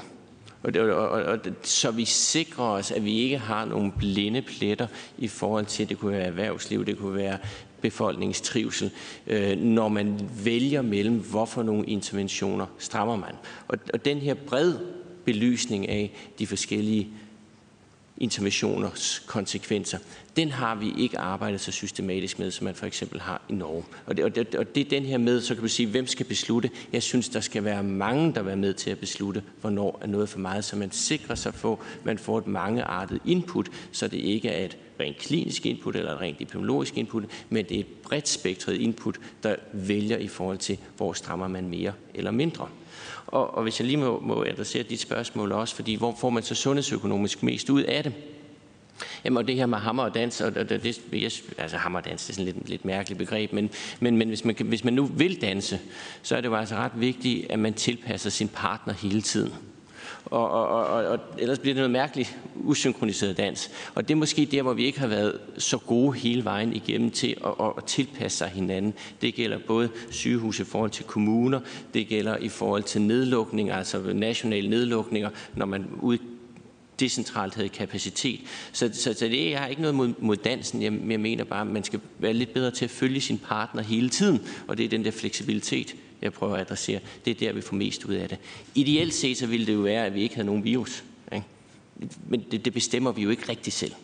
Altså, vi har nogle niveauer, og så må vi håndtere de niveauer, vi har, og så må vi danse med det. Men altså, husk at kigge på sin partner, når man danser. Ikke?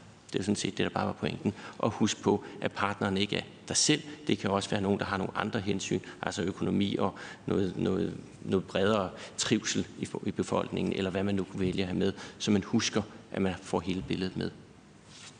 Tusind tak. Jeg vil gerne gå videre til Jens Lundgren nu her, og, og dine gode råd til politikerne øh, om, hvad de skal gøre. Men først vil jeg egentlig bede dig om, inden du kommer til det, du har forberedt, måske lige at adressere noget af det, der lige er blevet sagt. Øh, fordi det kan også være, at du har et, et perspektiv på det. Vi hører blandt andet Dansk Erhverv tale om et smittebarometer og, og efterlyse sådan et nøgletal, der kan sige noget om, hvor vi er. Og det har vi jo lidt tidligere hørt, også med Jakob Kjeldberg sige, det er svært. Hvad tænker du om det? Jamen, jeg tænker, at øh, vi skal øh, få introduceret øh, sund fornuft og god overvejelse og finde ud af, om vi har et stort problem eller ej. Øh, det er faktisk noget af det, jeg har forberedt. Øh, så hvis jeg kan elaborere på det. Øh, fordi det, jeg tror faktisk, at det måske ikke er så svært, når det kommer til stykket, at imødekomme de behov, som der bliver udtrykt. Hvis vi bare dybt set lige strammer os lidt an på nogle analysmæssige ting. Så, så det var sådan set det, jeg godt lige vil pointere over for jer. Jeg ved ikke, om jeg kan få... Er du ikke så at sætte den på slide, slide mode?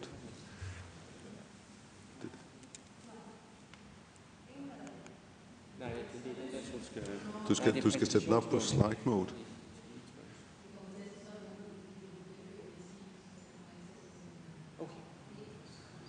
Altså, jeg beder om, at I tager det næste. Ja, godt. Så hvis jeg, så nu er det godt nok ikke så stort, så men jeg har dem her heldigvis. Så hvis du tager det næste slide. Altså det,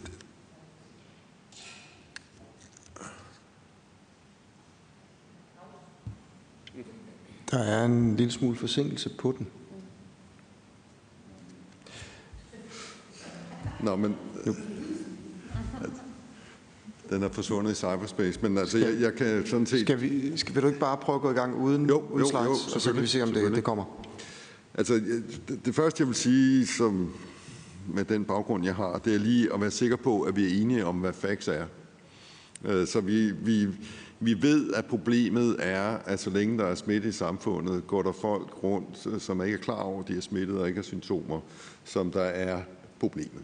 Øh, og, det er lige så, og de kan så smitte til få, hvis de møder få, eller de kan smitte til mange, hvis de er involveret i en super øh, begivenhed. Og det er jo lige så klart, at jo flere mennesker, som der er, øh, er smittet i samfundet, jo flere går der rundt i den her situation. Øh, så der er en eller anden form for proportionalitet mellem øh, øh, de tal, som vi får ud, og problemets omfang. Øh, det andet, som jeg synes er vigtigt, og som i hvert fald skal være et konkret råd, det er, at nu har Serum to gange forsøgt at få repræsentativ testning af befolkningen op at stå, uden det er lykkedes. Og det vil jeg så bare sige, det skal simpelthen ske. Altså, jeg tror ikke, der vil være nogen af jer, der vil gå til valg, uden at I har fået en, øh, et eller andet bureau til at vurdere en repræsentativ sampling af befolkningen for, hvem de vil stemme på, sådan at I kan indrette jeres strategi. Det har vi ikke, på trods af, at det blev forsøgt to gange. Øh, har jeg ret? Det kan jeg se sådan rundt omkring, at det er enig. Så, og det må vi simpelthen bare få i talsat som fuldstændig centralt øh, i, hvis vi skal navigere i samfundet, at vi får et eller andet barometer, som ikke er udtryk for, hvem der søger hen til testen, men udtryk for, hvordan smitten egentlig talt er i samfundet. Øh, så det, det, hvis jeg bare kan efterlade med det, øh, så vil det sådan set være... Det, det andet, som jeg synes måske bare lige skal i talsættes, fordi vi snakker altid om død, covid-død. Men jeg vil bare sige, det er selvfølgelig også alvorligt, og det er ikke fordi, jeg vil på nogen måde trivialisere det. Men, men problemet, hvis vi oplever en eksponentiel stigning af smitten, altså der, hvor den har et kontakttal på 2,5 til 3, det er, at ikke alene får vi selvfølgelig indlagt en hel masse covid-patienter, og hvor nogle af dem vil dø, men vi bliver også nødt til, som der også er blevet henvist af flere, at vi bliver nødt til så at omlægge kapacitet, som der bliver brugt på andre ting på hospitalerne, til at håndtere covid-patienterne, og derved opbygge de pukler, som jeg hørte, øh, som vi jo opbyggede ret kraftigt i foråret, fordi der blev jo overestimeret på det tidspunkt, hvad der ville være behov for øh, fordi vi ikke, kan man sige, vidste bedre på det tidspunkt. Det ved vi jo meget bedre nu, og kan derfor meget bedre titrere det her. Øhm, og så er det selvfølgelig det med senfølgerne, som, som vi ikke skal glemme. Så, så med de præmisser på klart, så er det altså bare sådan, så længe vi har en virus i samfundet. Så det, som der er det fuldstændig afgørende, det er, at befolkningens adfærd, den ændrer sig i forhold til den måde, øh, som vi opførte os på, før øh, øh, pandemien kommer. That's it. Og man kan diskutere, og det, hvis jeg så må bede om det næste billede, hvis det kan nå frem. Der er jo så to måder at gøre det på, øh, har vi lært. Øh, den ene, øh, og det er den, jeg vil tale op, det er gulderoden. Altså, at vi opfordrer og henstiller til at bruge sin sund fornuft. Vi ved alle sammen nu, hvilket jeg synes er ret fantastisk, øh, det var ikke så måske mange, som vidste, hvad betyder smittekilder og smitteveje, kontaktsmitte, dråbesmitte. Altså det er, jo, det er jo begreber, som det danske samfund nu har et relativt stærkt forhold til. Befolkningen forstår sådan set godt det her, og vi kan se, og det tror jeg Michael måske kan øh, yderligere elaborere på, man kan faktisk se, når, når tallene stiger, så begynder folk at ændre deres adfærd. Også før restriktionerne kommer. Så, så vi har faktisk en relativt intelligent befolkning øh, at have med at gøre her. Øhm, og, øhm, og, og, og det, som der sådan set er det største problem med folks adfærd, det er, hvis det lige pludselig begynder at vende fordi så alle, som der så ændrer ændret deres adfærd, de vil sådan set godt have ændret det tilbage til den måde, det var på før. Men det duer jo ikke, at alle de gør det på én gang. Og der er altså den her kommunikation, og det kan vi jo godt påpege nogle gange her i løbet af sommeren, at den var ikke helt lykkedes. Øh, fordi det hjælper ikke noget, at alle lige pludselig går tilbage til deres 2019-adfærd, fordi så starter du bare processen op igen. Pisken, restriktionerne, kan man diskutere, hvor effektivt det er. Øh, det er klart, at det er et påbud. Det bliver enforcet af politiet. Man kan få bøder. Øhm, det, der er i mine øjne, det er altid svært ved, når jeg hører om restriktionerne. Hvad er det egentlig talt, der er det strategiske sigte? Det tror jeg også lidt af den pointe, jeg har hørt fra andre. Øh, og hvad er målet? Altså, hvornår lykkes det med en restriktion? Øhm, det er klart, at det må være proportionelt med antallet af ikke øh, identificerede smitsomme i samfundet det må være sådan, så hvis der ikke er særlig meget smittet, så er der ikke behov for restriktioner i forhold til, hvis der er mange smittede, øh, som der går rundt. Det må sige sig selv. Og det her varslingssystem har vi diskuteret, øh, og hvad der er svært, hvis vi får det næste slide. Det var sådan set bare for at øh, allerede nu, fordi jeg kunne allerede høre, at at folk siger, se nu, hvad de gør i Irland, tror jeg, der blev kommenteret på. Men, men, men Irland har bare et meget større problem end Danmark i øjeblikket. Øh, man kan se på det her, det er så for ECDC, øh, og gul det er godt, grøn det er super, og rødt det er ikke så godt. Øh, altså, det er jo ikke fordi, at vi i Danmark har et stort problem, i hvert fald beregnet frem til uge 41 og 42, men det har Irland. Så på en eller anden måde, så er, der, så er der måske god mening i, at man har flere restriktioner i et område, hvor epidemien har fået lov til at udvikle sig videre, frem for i et samfund, hvor den måske ikke har gjort det. Og så kommer vi så ind på det, som jeg vil snakke om, hvis jeg kan få det næste billede. Det her med kommunikation. Øh, og ordet transparens her blev, blev nævnt mange gange. Lige netop disse restriktioner indføres, fordi. Og der tror jeg måske nok, at kommunikationen kan blive lidt mere klar, sådan så det ikke kommer til at virke sådan lidt... Øh, jeg forstår ikke helt, hvorfor det her det er der, men jeg kan høre, at der er et problem. Men vi har identificeret det her problem, og derfor gør vi sådan og sådan for at imødekomme det problem. Det hører almindeligt, tror jeg, moderne kommunikation til. Men jeg synes ikke rigtigt, det er lykkedes, og det synes jeg godt, man kan, man kan gøre bedre. ordet bekymring bliver brugt hele tiden. Øh, og, og jeg vil sige, det er så også fair nok for at få ligesom råbt befolkningen op til at begynde med. Øh, men jeg har en tyrkertro på, når man bruger det i for lang tid, så bliver folk øh, døde. Øh, altså, de hører ikke ordentligt efter længere, fordi hvis vi hele tiden lever i et stadie af bekymring, så tror jeg også, at det går ud over livskvalitet og en hel masse andre ting. Så det, der jo i og for sig, vi skal have vendt den kommunikation til i mine øjne, det er, hvordan håndterer vi det problem, vi har i øjeblikket, som vi naturligvis skal tage alvorligt, men som vi har nogle instrumenter, vi kan gøre med for at i, øh, håndtere det. Modellering tror jeg, der allerede er blevet kommenteret på. Altså der, der vil jeg bare sige, der er der virkelig rum for forbedring her. Øh, kontakttallene, jeg skal give en illustration lige om et øjeblik, det er en bagudrettet måling 14 dage før, Øh, og derfor fortæller sådan set meget lidt om, hvad der sker i øjeblikket øh, i samfundet.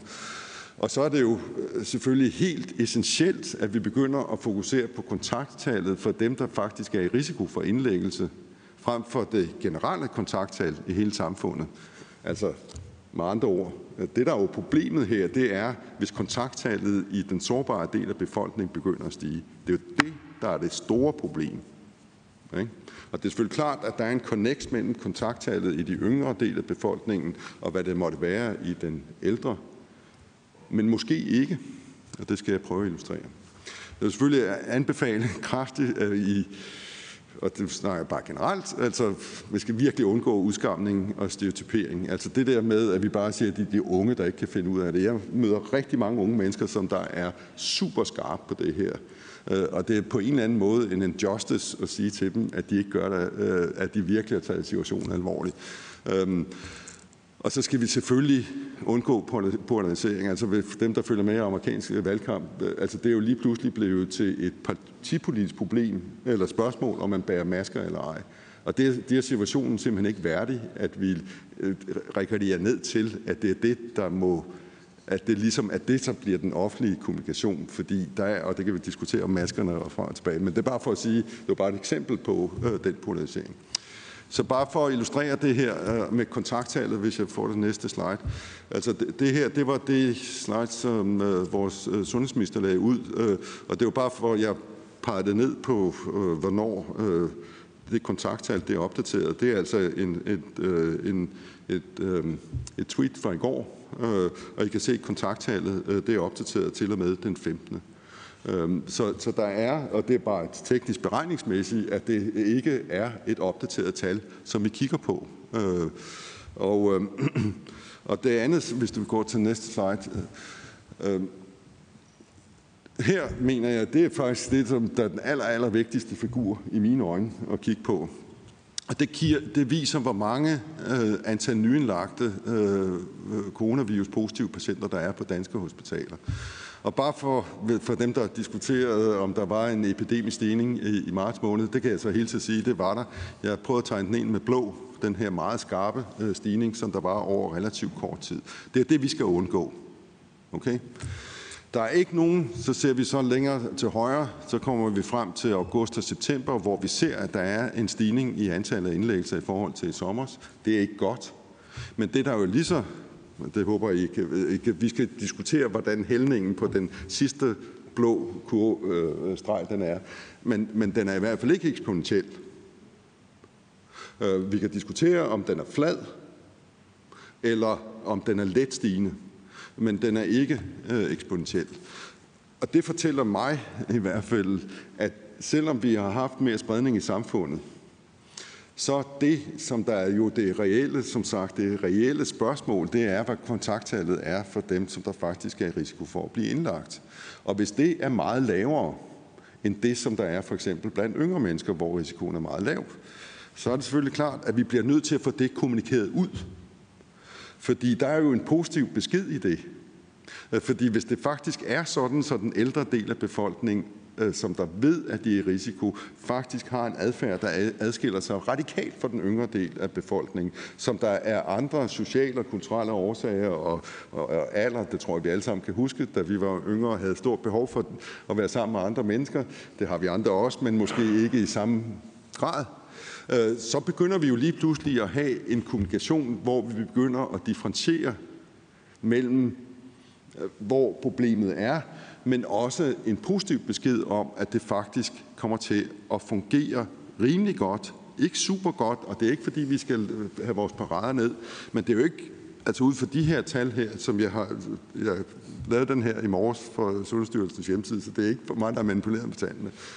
Øh, så, så det, den kurve der, den er virkelig, virkelig i mine øjne virkelig vigtig øh, at forholde sig til og reagere på. Og det er selvfølgelig klart, at hvis den begynder at vise, genspejle det, som vi ser af smittespredning i den yngre del af befolkningen, så er vores adfærd lige pludselig også i den sårbare del af befolkningen, den er på vej væk.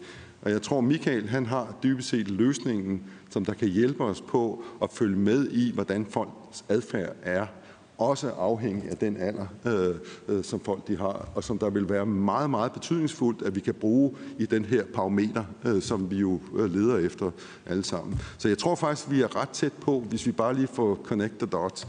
Næste slide. Det her med at skræmme folk, øh, det tror jeg til gengæld, det her, det, øh, igen, det er ikke fordi, jeg er ude efter sundhedsministeren, det er bare fordi, det er det slide, som der blev brugt, de her data her, der blev brugt som argument for, øh, hvorfor at der skulle indføres restriktioner. Og jeg tror, jeg kan øh, genfrasere, Jacob, øh, din kommentar. Altså, det, det, det, jeg forstår godt matematikken i, hvordan man kan komme frem til, at man kan jo se for eksempel i Region Hovedstaden, at det vil gå fuldstændig Altså, det vil blive eksponentielt nu, øh, fra nu af. Det er bare et spørgsmål om, om det faktisk reelt set er virkeligheden. Fordi hvis det ikke er, og det vil sige, at de her modeller kommer til at overskyde problemet, så kommer vi jo naturligvis svarende dertil, dels til at fortælle, at restriktionerne er nødvendige for at undgå det her, øh, men måske øh, også, tror jeg, kommer til at erodere øh, folks tillid. Og i sidste ende, hvad er egentlig talt, hvis det her det er scenariet den næste måned, hvad, hvornår har restriktionerne så været succesfulde? Hvornår har vi, er vi dybest set tilfredse? Fordi hvis man kigger på det her tal her, så siger det her, bare vi ikke får lige så meget stigning, som den her model den vil forudsige, så er restriktionerne jo lykkes. Og der mener jeg faktisk, at vores måltallet for det her, det er, at vi får fladet de her smittekurver ud Øh, og vi får holdt indlæggelserne nede. Det må være det i mine øjne, som der er det, som der er det. Men, men det kan godt være, at jeg hørte forkert, men sådan hørte jeg det i hvert fald ikke. Og, og så to ting til sidst, øh, så skal jeg nok tige stille, hvis du går til næste slide. Fordi det er på en eller anden måde relevant for hele den her diskussion. Det er, hvad er vores exit-strategi? Hvornår kommer vi på den anden side af den her pandemi? Det er ikke defineret i øjeblikket. Vi afventer de pågående vaccineforsøg, og resultaterne af vaccineforsøgene, ikke alene de bliver færdige, men også hvad resultaterne bliver. Øh, øh, og de to parametre er naturligvis vaccineeffekt, hvor mange af dem, der bliver vaccineret, er beskyttet, og hvilke bivirkninger er der eventuelt til vaccinen. Og afhænger de af, øh, hvis vaccinen, så hvis den er høj e-, effekt, og der er minimal risiko for bivirkninger, så er exit-strategien sådan set lige ud af landvejen. Så er det sådan set bare et spørgsmål om at få vaccineret befolkningen så hurtigt, som det nu øh, er vaccinerne tilgængelige. Hvis det til gengæld viser øh, resultaterne, at der er mindre effekt, eller hvis der er nogen øh, former for bivirkninger eller forskellige variationer over de to parametre, så er det mindre klart øh, præcis, hvad exit-strategien den er. Og det må vi simpelthen bare forholde os til for øjeblikket, Ja, det ved vi ikke. Men vi kommer til at vide det, og vi kommer til at vide det inden for de næste to til tre måneder, hvad exit-strategien er. Og det tror jeg på en eller anden måde i mine øjne kunne være meget rart at få forklaret befolkningen, at det kan godt være, at, vi, at, at der er meget stor usikkerhed i øjeblikket, men der er faktisk en mulighed for at lave en rationel beslutning for, hvordan vi skal håndtere, om det skal være de næste to år fordi at vaccinerne ikke virker, eller om det er noget, vi kan regne os frem til, kommer til at forsvinde øh, rimelig hurtigt. Og jeg vil bare sige, at udover vaccinerne, det er ikke fordi, vi bare sidder og har sat alt ind på vaccinerne. Øh, altså plan B, det er det, vi kalder passiv immunisering, hvor vi indsprøjter øh, virksomme antistoffer, altså den immunitet, som vaccinerne skal laves. Den er lavet i laboratoriet nu. Øh, og som vi mener faktisk er i stand til at forebygge, at folk de bliver smittet. Det er bare problemet ved det er, at de her antistoffer forsvinder ud af kroppen igen, så det er ikke en varig løsning, og derfor er vaccinerne klart at foretrække.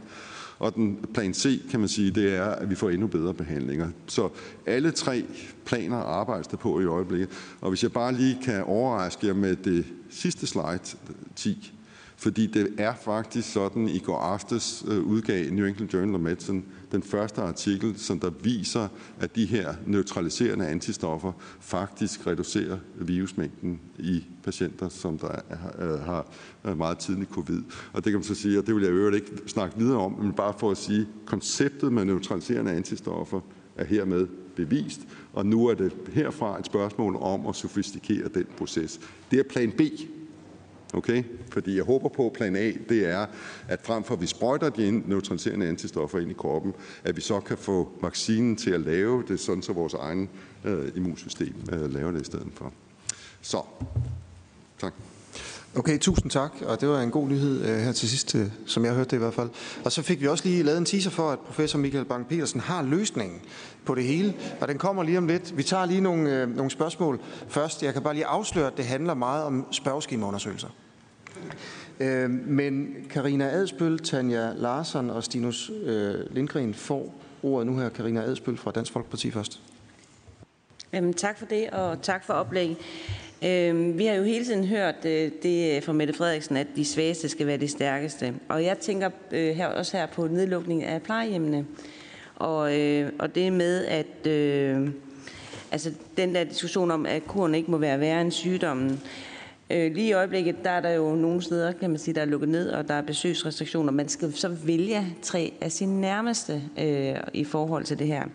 Og der kunne jeg godt tænke mig lidt at komme ind på de menneskelige omkostninger og høre i forhold til, nu bliver der nævnt også omkring fleksibilitet, og vi skal jo finde øh, nogle måder. Øh, og det, jeg ved ikke, hvem der skal svare på det, men i forhold til det med, at man selvfølgelig skal kunne besøge øh, det, øh, sin ældre medborger øh, på plejehjem, hvordan gør man det sikkert? Altså, øh, kan man øh, påvise, hvis man påviser en ren covid-test, eller øh, med øh, værnemidler eller andet, øh, lige i øjeblikket, der er det jo også sådan, at øh, man siger, at man ikke engang, hvis man bor i en pleje, altså plejehjemsbolig, selvom man har egen indgangsdør, altså ikke kommer ind på selve plejehjemmet. Er der nogle muligheder, også hvis vi skal tænke fremadrettet, øhm, og så ved jeg ikke, om det er lidt udenfor, men øh, jeg, jeg kunne godt tænke mig at høre, om der er nogle bud på det, øh, også fordi, at vi ved, at ældres levetid øh, gennemsnitligt på plejehjem, den er jo lidt over to år, og hvis vi tænker på den her øh, pandemi, så var det jo, så ser det ud til at vare ret længe, og har varet ret længe. Øh, så lidt om det, hvis I har et godt bud på det. Er der nogen af jer, der gerne vil svare på det? Jamen altså, det, det, det, det jo handler om her, det er, at dem, der besøger folk på plejehjem, øh, de ikke skal være smittet. Øh, fordi vi har set nok af plejehjemsudbrud, hvis der kommer enten personale eller besøgende ind, som der er smittet, og starter en smittekæde der, til at det skal vi undgå. Øh, så øhm, hvordan gør vi så det? Af spørgsmålet. Og det der med den øh, negative coronatest, og jeg kan jo se, at der er ved at udvikle sig sådan et kommersielt marked for, at man kan få lavet sådan en test. Øh, den koster 300-400 kroner, og så får man så at vide, at den er negativ, og så tror man ligesom, jamen så er jeg så ikke smittet. Det må jeg så bare lige øh, sådan øh, faktakorrigere. Jeg, det, det, det kan godt være, hvis den er positiv, så er det selvfølgelig interessant. Det kræver, at du får samlet rigtig meget virus ind, og så i øvrigt er den ikke særlig følsom. Det er jo derfor, at, at den her PCR-test stadigvæk bliver holdt fast på. Det er det ene. Og det andet er, at du kan godt være smittet, og selv den mest følsomme test kan være negativ, hvis den bliver taget et døgn eller to før. Så du kan godt blive smitsom, efter du har fået resultatet af negativ test øh, uden du i øvrigt er blevet smittet i mellemtiden. Øh, fordi det tager tid, det tager nogle dage fra, at du er smittet, indtil den her test den er positiv.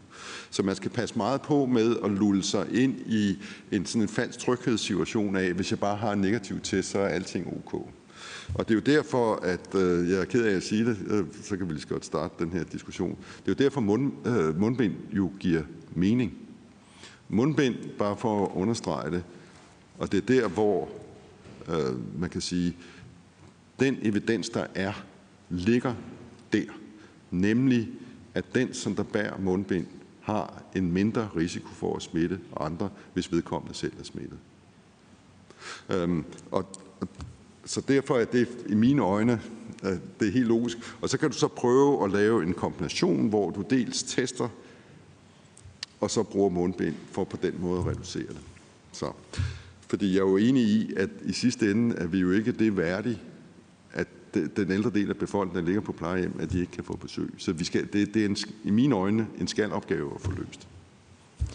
Karina Adespøl, fik du svar, synes du? Jamen, jamen, det er meget fint. Jeg vil bare også gerne have en løsning, fordi at, øh, det er jo uholdbart i den, i den sidste ende her, at man bliver med med nedlukningen og besøgsrestriktioner. Så det er netop med at finde nogle løsninger, som, hvor vi ja. kan, kan, kan Men det, sige... det er jo dem, jeg lige ja. beskrev. Ja, lige netop. Så det er rigtig fint. Tak for det. Så får Jakob Kjeldberg vil lige sige noget. Jamen, det er jo ikke fordi, at vi kommer med løsning, men, men igen, så er det måske noget af det der med, at når man tager sine sanktioner at få dem beskrevet helt ud, hvad er det for nogle konsekvenser, den enkelte oplever. Altså det her med at have livskvalitet og levetid, det, det er jo ikke ukendt i sundhedsvæsenet, at der er en balance mellem det. Og bruge noget tid på faktisk at interviewe nogle ældre og finde ud af, hvad er deres præferencer egentlig, er jo noget af det, der kan føde ind i et beslutningsgrundlag. At i sidste ende, at det er så et politisk valg, hvilken risiko man som bliver nødt til at tage i forhold til selv med alle værnemidler, at man risikerer så at smitte en ansat, som så smitter en anden. Det, det, er jo, det er jo en politisk afvejning, som vi aldrig kommer i mål med sådan en model modelteknisk. Men, men det er igen den her idé om, at man ikke kun fokuserer på at reducere med smitte, men også på at se på, hvad er det for nogle afledte konsekvenser, man kunne få belyst i sin pakke bedre, hvis man havde en lidt mere holistisk tilgang til det. Og nu får Tanja Larsson fra Socialdemokratiet ordet via Teams. Ja tak. Går jeg igennem ind til jer? Ja. Det var godt. Øh, først og fremmest tusind tak for, at I møder op i dag og gør os så meget klogere og øh, beredvillige til at svare på alle vores øh, spørgsmål. Øh, Udover at jeg sidder i Folketinget, så er jeg fysioterapeut og har læst international folkesundhedsvidenskab over ved Lunds Universitet. Og det er sådan, derfor, jeg går lidt ned i sundhedsøkonomi og, om lidt. Øh, fordi når vi snakker evidens, så det jeg sådan savner lidt for at kvalificere debatten inde hos, øh, inden hos os politikere, når folk beder om evidens, så er det jo for mig afgørende, jamen, når vi står i noget nyt, så er der ikke evidens for det. Så, så hvad er det egentlig, vi kan trække op af hatten? Øh, men noget af det, vi ved, der er evidens for, det er jo blandt andet, når man stiller spørgsmålstegn ved eksempelvis det her med mundbind. Jo flere, der, øh, jo flere, der tæller restriktionerne ned, eller stiller spørgsmålstegn ved dem, jo færre efterlever dem. Og det har jo også en sundhedsøkonomisk omkostning, men det har også en samfundsøkonomisk omkostning, fordi som nogle af mine gode kollegaer har været inde på, så lever vi i Danmark med ret få restriktioner, når vi sammenligner os med udlandet, og vi har en relativt lav smitte i forhold til en del af vores europæiske øh, øh lande. Øh, så hvordan påvirker, fordi det, det, det bør der være noget evidens for i forhold til, øh, hvordan påvirker det, når man går ud som politiker og taler imod og stiller spørgsmålstegn ved de restriktioner, der i forvejen er, eller man kommer med. Det er også mere fordi, jo flere vi er on board på det her og løfter sammen i de her restriktioner, jo flere vil jo efterleve dem, og jo mildere kan vi have dem. Det er den ene del af det, jeg vil sige. Noget andet, det er i forhold til dansk erhverv. Øh, det undrer mig lidt i sommer at se, hvordan man lige pludselig i løbet af meget få uger var tilbage, præcis som nogen har, har nævnt, er tilbage på 2019-niveau i forhold til at gå i byen og gå ud og øh, alle de her ting. Noget af det, jeg sådan ligesom har savnet, øh, det er, vi står med et langt sejt træk her. Der er ikke nogen, der tror, at det her det er overstået på to måneder. Det har vi også været inde på tidligere. Så noget af det, jeg har savnet fra Dansk Erhverv, det er og, og ligesom sige, hvad, hvad gør vi under de vilkår, vi har? Eksempelvis, hvis jeg har en stor bar, jamen er det noget med, at man ligesom nytårsaften, så har man sådan en eller anden øh, øh, lukket aften, hvor man siger, der er øh, halvanden hundrede gæster, der bliver inviteret, og det er fra klokken 18 til klokken 24, og det er med champagne og mad og fest, og så går man hjem. Så, så kunne man jo slippe for ind over sommeren af folk, og, og det tidlige efterår, at folk løb rundt fra bar til bar. Så jeg savner måske også en lille smule at høre. Det kan godt være, at I har været ude at sige de ting, og jeg bare har misset det, men jeg savner egentlig måske også, at man opfordrer internt i sin egen branche til at, at tænke en lille smule anderledes, øh, for at vi kan bevare så mange jobs, men også for at vi kan at, restriktionerne ikke skal stramme for meget og være med til at lukke yderligere ned. Tak for ordet. Tusind tak, øh, Tanja Larsson. Det var to spørgsmål her, som jeg hørte. Du må lige sige til, hvis, hvis det er forkert hørt. Det ja, ene det var er, det. hvordan påvirker... Og I må lige sige til, hvis det er dårligt. Hvad siger du? Hvis det er et dårligt spørgsmål. Jeg siger, det ja, det var to spørgsmål. Hvordan... Må... Nej, nej, hvis, det var, det, hvis jeg gik dårligt igennem. det var Nå, det, okay. Fair nok. Du gik godt igennem os. Øh, hvordan, virker, hvordan påvirker det restriktionerne, at der er nogle politikere, der taler imod det? I den offentlige debat? Det er jo det første spørgsmål, og det næste handler om erhvervslivet, det kan vi vente lidt med. Og jeg tænker måske, Michael Bang-Petersen, det er noget, du kunne tale om, Sig til, hvis det, det, hvis det er fejlagtigt.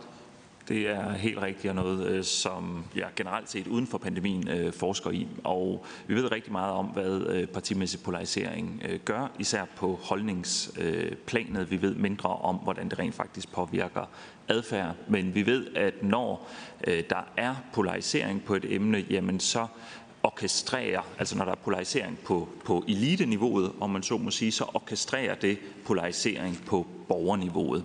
Så den enkelte borger, især dem med en stærk tilknytning til et parti, tager mod informationer øh, fra sine partiledere og øh, hopper øh, ind i den øh, position, som partiet ligesom øh, tegner op. I forhold til, hvorvidt diskussioner af det her så går ind og påvirker øh, adfærden konkret i forhold til øh, smitteforebyggelse, det ved vi mindre om. Jeg synes, vi baseret på, hvad vi generelt set ved, så må vi tro, at det gør det. Øhm, og vi ved også fra forskning i USA, at der er øh, indikationer af, at, at i hvert fald holdningen til øh, smitteforebyggelse er meget, meget øh, påvirket af ens partitilhørsforhold derovre. Og der er også indikationer af, at, at den rent faktisk øh, adfærd er påvirket af det. Så vil det sige, at når politikere uden for regeringspartiet for eksempel, kritiserer den ene eller den anden restriktion og siger, det er en dårlig restriktion, øh, så, så får det folk til ikke at følge restriktionen.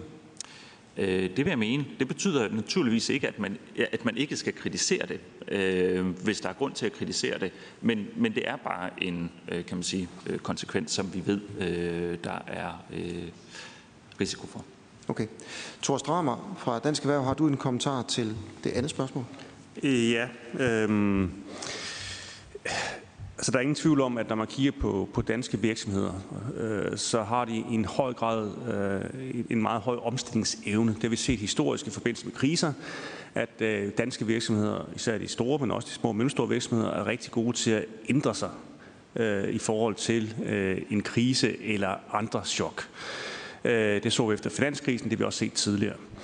Øh, og det øh, er også det, øh, som vi har set, at øh, mange af Dansk Erhvervs øh, medlemsvirksomheder øh, har gjort. Altså, de har tænkt i nye veje i forhold til at holde deres omsætning kørende i den her meget svære tid. Øh, så det håber jeg selvfølgelig også, at det er noget, der bliver anerkendt øh, herinde på Christiansborg. For det er klart, at der er ikke nogen virksomheder, der ønsker at ja, lukke forretningen ned, heller ikke i sådan en svær tid, som vi befinder os i nu. Øh, fra politisk side, øh, der kan man jo også øh, se på tiltag, der kan hjælpe virksomhederne med at tilpasse den her nye, meget svære tid, vi befinder os i. Står vi i en ny situation, hvor øh, danskernes adfærd har ændret sig mere permanent, altså at vi bliver mere forsigtige, måske begynder at, at forbruge nogle andre varer i forhold til tidligere.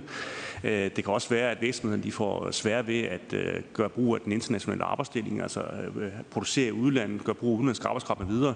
Altså, at de skal omstille sig til en ny virkelighed. Det er er, det er svært, det er omkostningsfuldt, øh, og det er noget, der kommer til at tage tid for rigtig mange virksomheder.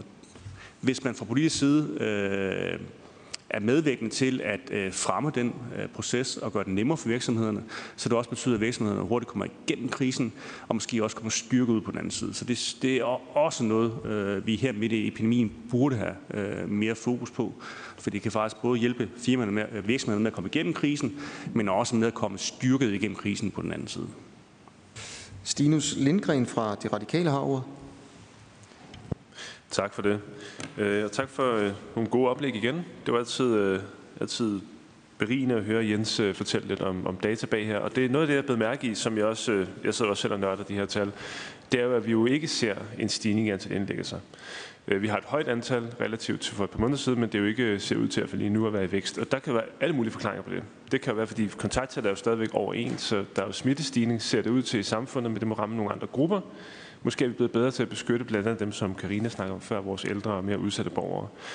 Bekymringen er naturligvis, om der kunne ske et spring fra lad os sige nu, at det er de unge primært, det der til at være dem af forskellige årsager. Det, de smitter deres forældre, de smitter så deres forældre. Altså, der går et par smittegenerationer, før vi ser den her stigning i indlæggelse. Det er selvfølgelig den bekymring, vi har og går ud fra, rigtig mange har.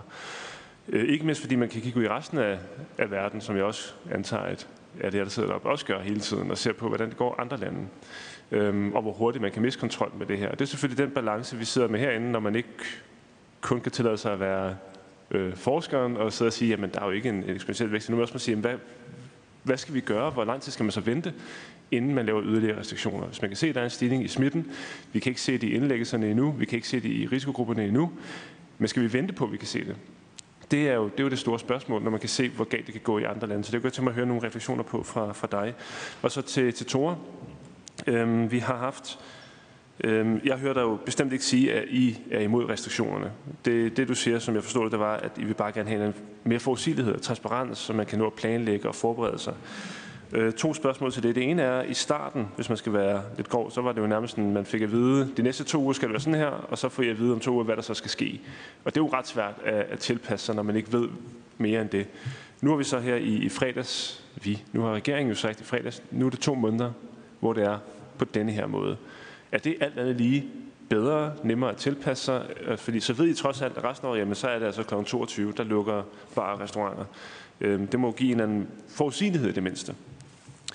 Og noget andet, jeg tror, det var, måske var det Jacob, der var inde på det her med de utilsigtede konsekvenser af nogle af de her restriktioner.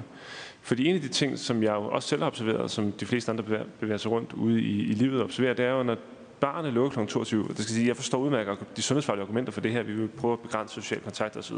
Det betyder bare, at så går alle folk kl. 22. Og det har jo så den konsekvens, at alle folk går på gaden, tager bussen, tager toget på præcis samme tidspunkt. Det var jo ikke, altså det giver jo sig selv, når man sidder og tænker over, at selvfølgelig ville det ske. Det går jeg ikke ud fra, at man sad og overvejede, da man, da man anbefalede en kl. 22-lukning. Så øh, ja, hvad, hvad tænker I om det? Og har I nogen gode bud på, hvis jeg diskuterer det med, med sundhedsministeren også, hvad, hvad kan vi gøre? Fordi det, er jo, det kan jo give nogle andre øh, potentielle smittekilder.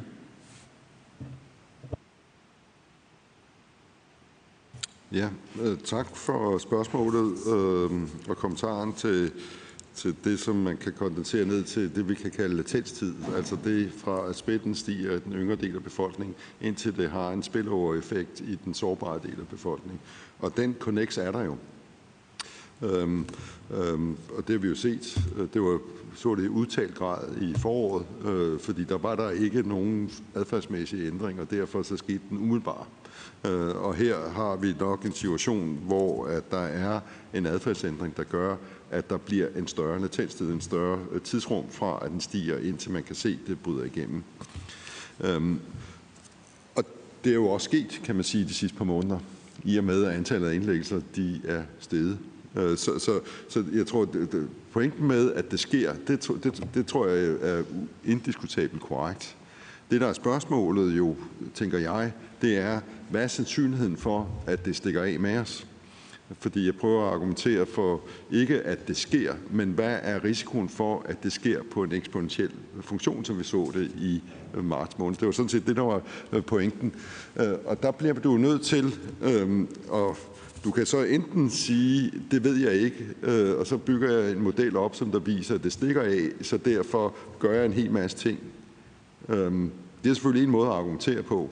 En anden måde at argumentere på, det er, jamen altså, for at det kan ske, det her med, at det bliver eksponentielt, så kræver det, at den ældre del af befolkningen, den sårbare del af befolkningen, radikalt ændrer deres øh, adfærd til at være meget mere risikofyldt. Det er ikke det samme som, at det ikke det kommer til at ske i nogen omfang, men så, så jeg tænker, at diskussionen er faktisk todelt øh, øh, her. Øh, at det ene er, om det kommer til at ske, det andet er, om det, det kommer til at ske på en måde, sådan så det opfører sig eksponentielt. Og det synes jeg på en eller anden måde, situationens alvor taget betragtning, at det er ret vigtigt, at vi holder de to begreber ud fra hinanden. Øh, og det er så der, hvor jeg vil sige, og nu skal jeg nok cliffhange endnu en gang øh, øh Michaels øh, indlæg, men, men, men der er nogle instrumenter, vi kan bruge nu, som vi ikke havde i marts måned, som der kan vurdere, hvad er sandsynligheden for, at den her eksponentielle øh, problematik den opstår eller ej. Og det mener jeg faktisk godt efterhånden, at vi har en så god forståelse for, at man kan bygge det ind øh, og prøve at forstå det. Det kræver selvfølgelig, at de beregninger, som der bliver lavet, som, der er, øh, som, som I får jo for Serum at de så inkorporerer Øh, de målinger, der er af folks adfærd. Fordi hvis de ikke er inkorporeret, så får man lige præcis en model, som der kommer til afhængig af, hvordan man lægger forudsætningerne ind på den, så kan man få, øh, jeg kan få en, også en model til at stikke af, øh, og det tror jeg også godt, du kan, øh, fordi vi kender godt matematikken i det her. Ikke? Så, men, men, men hvis, hvis det faktisk er sådan, så vi kan se, at folks adfærd ikke tillader det, så er det jo en virkelig væsentlig, i mine øjne, en virkelig væsentlig observation at holde fast på. Ikke alene for at prøve at kunne forudse, hvad der kommer til at ske, men faktisk forstærke i sin kommunikation, og det var det, jeg forsøgte at sige i mit indlæg, og for at forstærke den kommunikation til befolkningen, at det faktisk er på den måde. Ikke? At folk har faktisk taget ansvar Øh, og øh, igen, ja, nu skal jeg nok tige stille, og så får Michael lov til at forhåbentligvis vise sin uh, slide til lige om øjeblik. Thor Strammer, du fik også to spørgsmål. Hvis du vil gøre det ganske kort, fordi vi skal også nå at slutte ja, kvart over Ja, meget kort. Øh, dansk erhverv er for restriktioner. Det er nødvendigt for, at vi kan holde øh, samfundet meningsfuldt kørende og undgå en fuldstændig nedbrud. Øh, øh, og ja, der har været fremdrift, øh, og der har været forbedring i den måde, at, øh, at, at der er blevet kommunikeret på, og, øh, og der er blevet gennemført restriktioner på. Øh, men min opfattelse er også, at der stadigvæk er, øh, og det er også det, jeg kan høre Jens Sundgren siger, at der er øh, øh forbedringspotentiale, særligt på kommunikationsdelen. Stop med at holde fredagsmøder, pressemøder til at starte med, øh, og så få nogle mere objektive kriterier ind, og måske også være bedre til at forklare også virksomhederne, hvorfor gør I, som I gør. Øh, fordi vi har også mange medlemmer, der er meget uforstående. Du nævner selv, nu går alle folk hjem kl. 10 og sætter sig ud i, øh, i, øh, i bussen og på gaden. Det ser de erhvervsdrivende også. Så ryster de på hovedet, hvorfor vi lavet det her. Så en, en, en, en, gør mere ud af kommunikationen og, og, og forklare, hvorfor man gør, som man gør. Og nu er ordet dit, Michael Bang Petersen, professor fra Aarhus Universitet. Mange tak. Øh, og nu skal jeg se, om det her det virker. Åh, oh, det gjorde det. Øhm, det, som jeg vil tale om, det er legitimitet som fremadrettet øh, pejlemærke. Og vi lever i et demokrati, og derfor så er øh, politisk legitimitet i sig selv både værdifuldt og nødvendigt. Vi ved også, at kriser øh, kan rykke ved den grundlæggende opbakning til et politisk system, øh, og vi står i en øh, stor krise. Så på den måde er det noget, der i sig selv skal vise øh, opmærksomhed for, at vi kommer sikkert ud på den anden side. Men legitimitet øh, er ikke kun sådan intrinsisk værdifuldt, det har også en instrumentel værdi, øh, når man står i en øh, sundhedskrise, som vi står i, i nu. Og det er fordi, vi ved, at legitimiteten går ind og påvirker øh, sundheds- eller den smitteforebyggende adfærd. Jo mere legitim man opfatter øh, restriktionerne, jo mere villig er man til at rent faktisk at følge dem. Og der er øh, generelt forskning og også noget forskning, der er ved at komme ud her under pandemien, som tyder på, at øh, legitimiteten også har konsekvenser i forhold til exit-strategien, at hvis man grundlæggende set har mistet øh, tilliden til strategien, så er man heller ikke særlig villig til at lade sig vaccinere, når man får den øh, mulighed forhåbentlig. Så derfor så en af de ting, som jeg vil tale, eller den ting, som jeg vil øh, tale om her i dag, det er, at jeg mener, at øh, fremadrettet bør tal for befolkningens øh, oplevelse af legitimitet, handleparathed og udmattelse i forhold til pandemien bør gives lige så stor opmærksomhed som de smittetal, vi kigger på hver dag. Fordi i bund og grund, så er det de første, som afgør det sidste. Og en af de måder, så den konkrete måder, hvorpå man kan forsøge at garantere øh, legitimiteten under pandemien, det er ved at kigge på de specifikke beslutningsprocedurer, som man har øh, i forbindelse med øh, de forskellige tiltag. Lad mig prøve at starte med det her med befolkningens øh, handleparathed. Det, som I kan se her, det er øh, dels, øh, nu skal jeg se, om jeg kan, ja, dels øh, smittetallene, som de har udviklet sig hen over øh, pandemien. Det her det er indtil midten af øh, oktober. Så derudover så kan I se nogle øh, data, vi øh, indsamler på daglig basis her, som måler i hvilken grad befolkningen er opmærksomme på at holde afstand. Så kan I se to øh, linjer her, som er dels, hvornår der blev indført restriktioner i Aarhus i august, og hvornår der blev indført restriktioner øh, i Københavnsområdet i øh, september. Det I kan se, det er, at vi har en befolkning, som er enormt handleparate, og som også det, som Jens har nævnt. Når smittetallene stiger, så begynder opmærksomheden på afstand at stige, og den stiger inden øh, restriktionerne går i gang.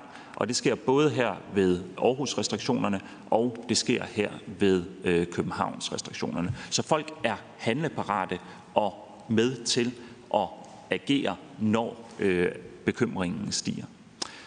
Vi kan også se, og her zoomer vi ind på øh, Aarhus øh, udbruddet og restriktionerne, der har vi opdelt øh, adfærden. Den røde, det er for øh, dem i Øh, de påvirkede kommuner der, og den blå er for resten af landet. Og det vi kan se, det er, at når, de, når smittetallene stiger i en given kommune, så er det ikke kun dem i kommunen, der reagerer, men det er faktisk folk i hele landet, som vi kan se af den øh, blå kurve. Igen viser det noget omkring handleparatheden, at det ikke kun der lige, hvor skoen trykker, men når de nationale smittetal stiger, så ændrer befolkningen bredt deres adfærd og begynder at være mere opmærksom på, at man skal øh, agere smitteforebyggende. Det tyder på, at vi i bund og grund står i en relativt gunstig situation, når det kommer til befolkningens tilstand, at der er motivation derude. Vi indsamler tal øh, på tværs af otte forskellige lande om, om blandt andet, hvorvidt man føler, man kan udholde restriktionerne længere. Og I kan ikke se øh, landene her, øh, men jeg kan fortælle jer, at vi har Danmark, Sverige, Tyskland, Ungarn, Italien, USA, Frankrig og Storbritannien. Og der er omkring 10 procent af den danske befolkning, der her nu, inden de nye restriktioner, sagde, at de ikke kunne holde det ud øh, længere, hvor at vi er oppe på betydeligt større tal i Frankrig og Storbritannien, cirka tre gange så mange. En af de steder, hvor Danmark også skiller sig ud, udover at vi sådan set ikke er så øh, metaltrætte endnu, det er i forhold til opfattelsen af, at det, der er blevet gjort, det er det rigtige. Her har vi øh, Danmark øh, yderst øh, til, øh, til højre, hvor at øh, over 70 procent af befolkningen sådan set mener, at det, som I har været med til at gøre, er det rigtige. Det er helt afgørende at øh, fastholde denne her legitimitet. Og det, som vi ved fra øh, forskningen i, øh, hvordan man genererer legitimitet, jamen så er der to måder til det. Den ene, det er det, man kan kalde at skabe fordelingsmæssig retfærdighed, at dem, som yder, det er også dem, som nyder. Altså at der er en øh, proportionalitet mellem øh, omkostninger og fordele. Lige præcis det her om øh, eller fordelingsmæssig retfærdighed er ekstremt svært at opnå i covid-pandemien.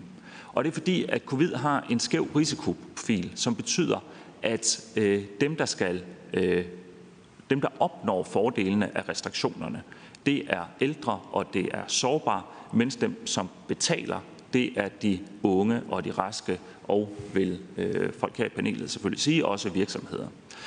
Men det betyder, at, at der er nogle grundlæggende fordelingsmæssige logikker i pandemien, som, som skubber imod legitimiteten.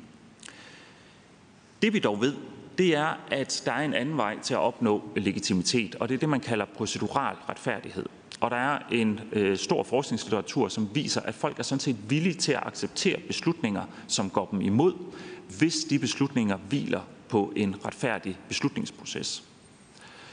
Og et sådan fokus på at etablere retfærdige beslutningsprocedurer eller øh, beslutningsprocesser, det sikrer, at der er en forudsigelighed, fordi du ved, hvordan er det rent faktisk, at de restriktioner, der rammer mig, hvordan de bliver øh, til, men det skaber også en fleksibilitet, fordi det er ikke sådan et, et rigidt automatisk system, hvor at når denne her faktor ændrer sig på den her måde, så sker der det. Nej, det er mere, man kan sige, det forudsigelige ligger på niveauet, mere end, end hvordan helt præcis øh, der er en relation mellem smittetal og restriktion. To væsentlige kriterier for en retfærdig beslutningsproces er transparens og øh, oplevelsen af medejerskab. Og hvis vi starter med at kigge på oplevet transparens, så er det også noget, vi indsamler øh, data på. Og det her viser udviklingen i andelen af den danske befolkning øh, siden øh, Øh, april øh, hen til øh, for et par dage siden, som oplever, at de har fået klar information om begrundelserne for sundhedsrådene. Og overordnet set kan I igen se, at situationen ser sådan set ok ud. Der er en relativt høj andel af danskerne, der oplever transparens. Men det, som vi også kan se, det er, at der sker, at vi har en meget, meget stabil udvikling, og så sker der et knæk her i september. Og det er der, hvor at alarmklokkerne begynder at blinke her i Danmark, hvor vi står i en ny situation, hvor vi skal til at agere smitteforebyggende i et genåbnet samfund. Og der er der en oplevelse af, at vi ved ikke helt, hvad det er, der sker, og hvorfor det er, vi skal gøre øh, det, som øh, vi skal gøre. Og det har formentlig en betydning for, øh, for den smitteforebyggende adfærd. I hvert fald så kan vi se, øh, som vi kan se på denne her graf, at dem, som i høj grad siger, at de oplever, at der er klare begrundelser, Øh, er mere opmærksomme på at følge sundhedsrådene omkring afstand, end dem, som siger, at de i lav grad øh, mener, der er øh, en, øh, at der er klare begrundelser.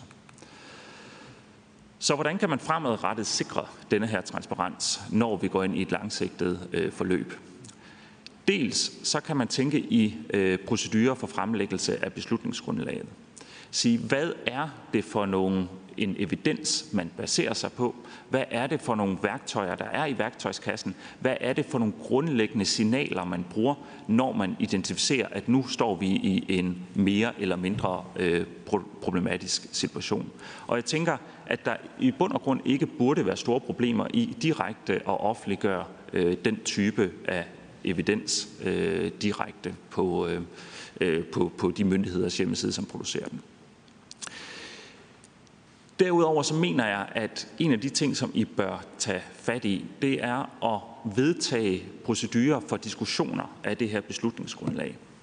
Fordi problemet er, som også øh, Jakob i høj grad har sagt, det er, at evidensen er med nødvendighed ikke specielt god. Der, og det bliver man nødt til ligesom at anerkende, hvis vi skal tage en diskussion omkring øh, beslutningsgrundlaget. At man kan ikke gå ud og sige, vi vil kun have øh, restriktioner, som der er solid dens for, fordi så kommer vi ikke til at gøre noget som helst. Så der skal være en eller anden musketeret, en gensidig forståelse af, jamen, hvordan er det så rent faktisk, vi diskuterer det, der er til rådighed, og anerkender, at det må være det bedst mulige under de givende omstændigheder, som er grundlaget. Så noget, som vi allerede har taget fat i, øhm, det er, at vi bliver nødt til at tænke i institutionelle værn mod partimæssig øh, polarisering. Politik er per definition konflikt, og øh, der skal også være øh, konflikt i øh, politik. Men i den grad, at I er i stand til at tage nogle af de procedurer, som I ved er med til at dæmpe polarisering og putte ind i de her beslutningsprocesser, så vil det være hensigtsmæssigt øh, set fra et legitimitetsperspektiv. Øh,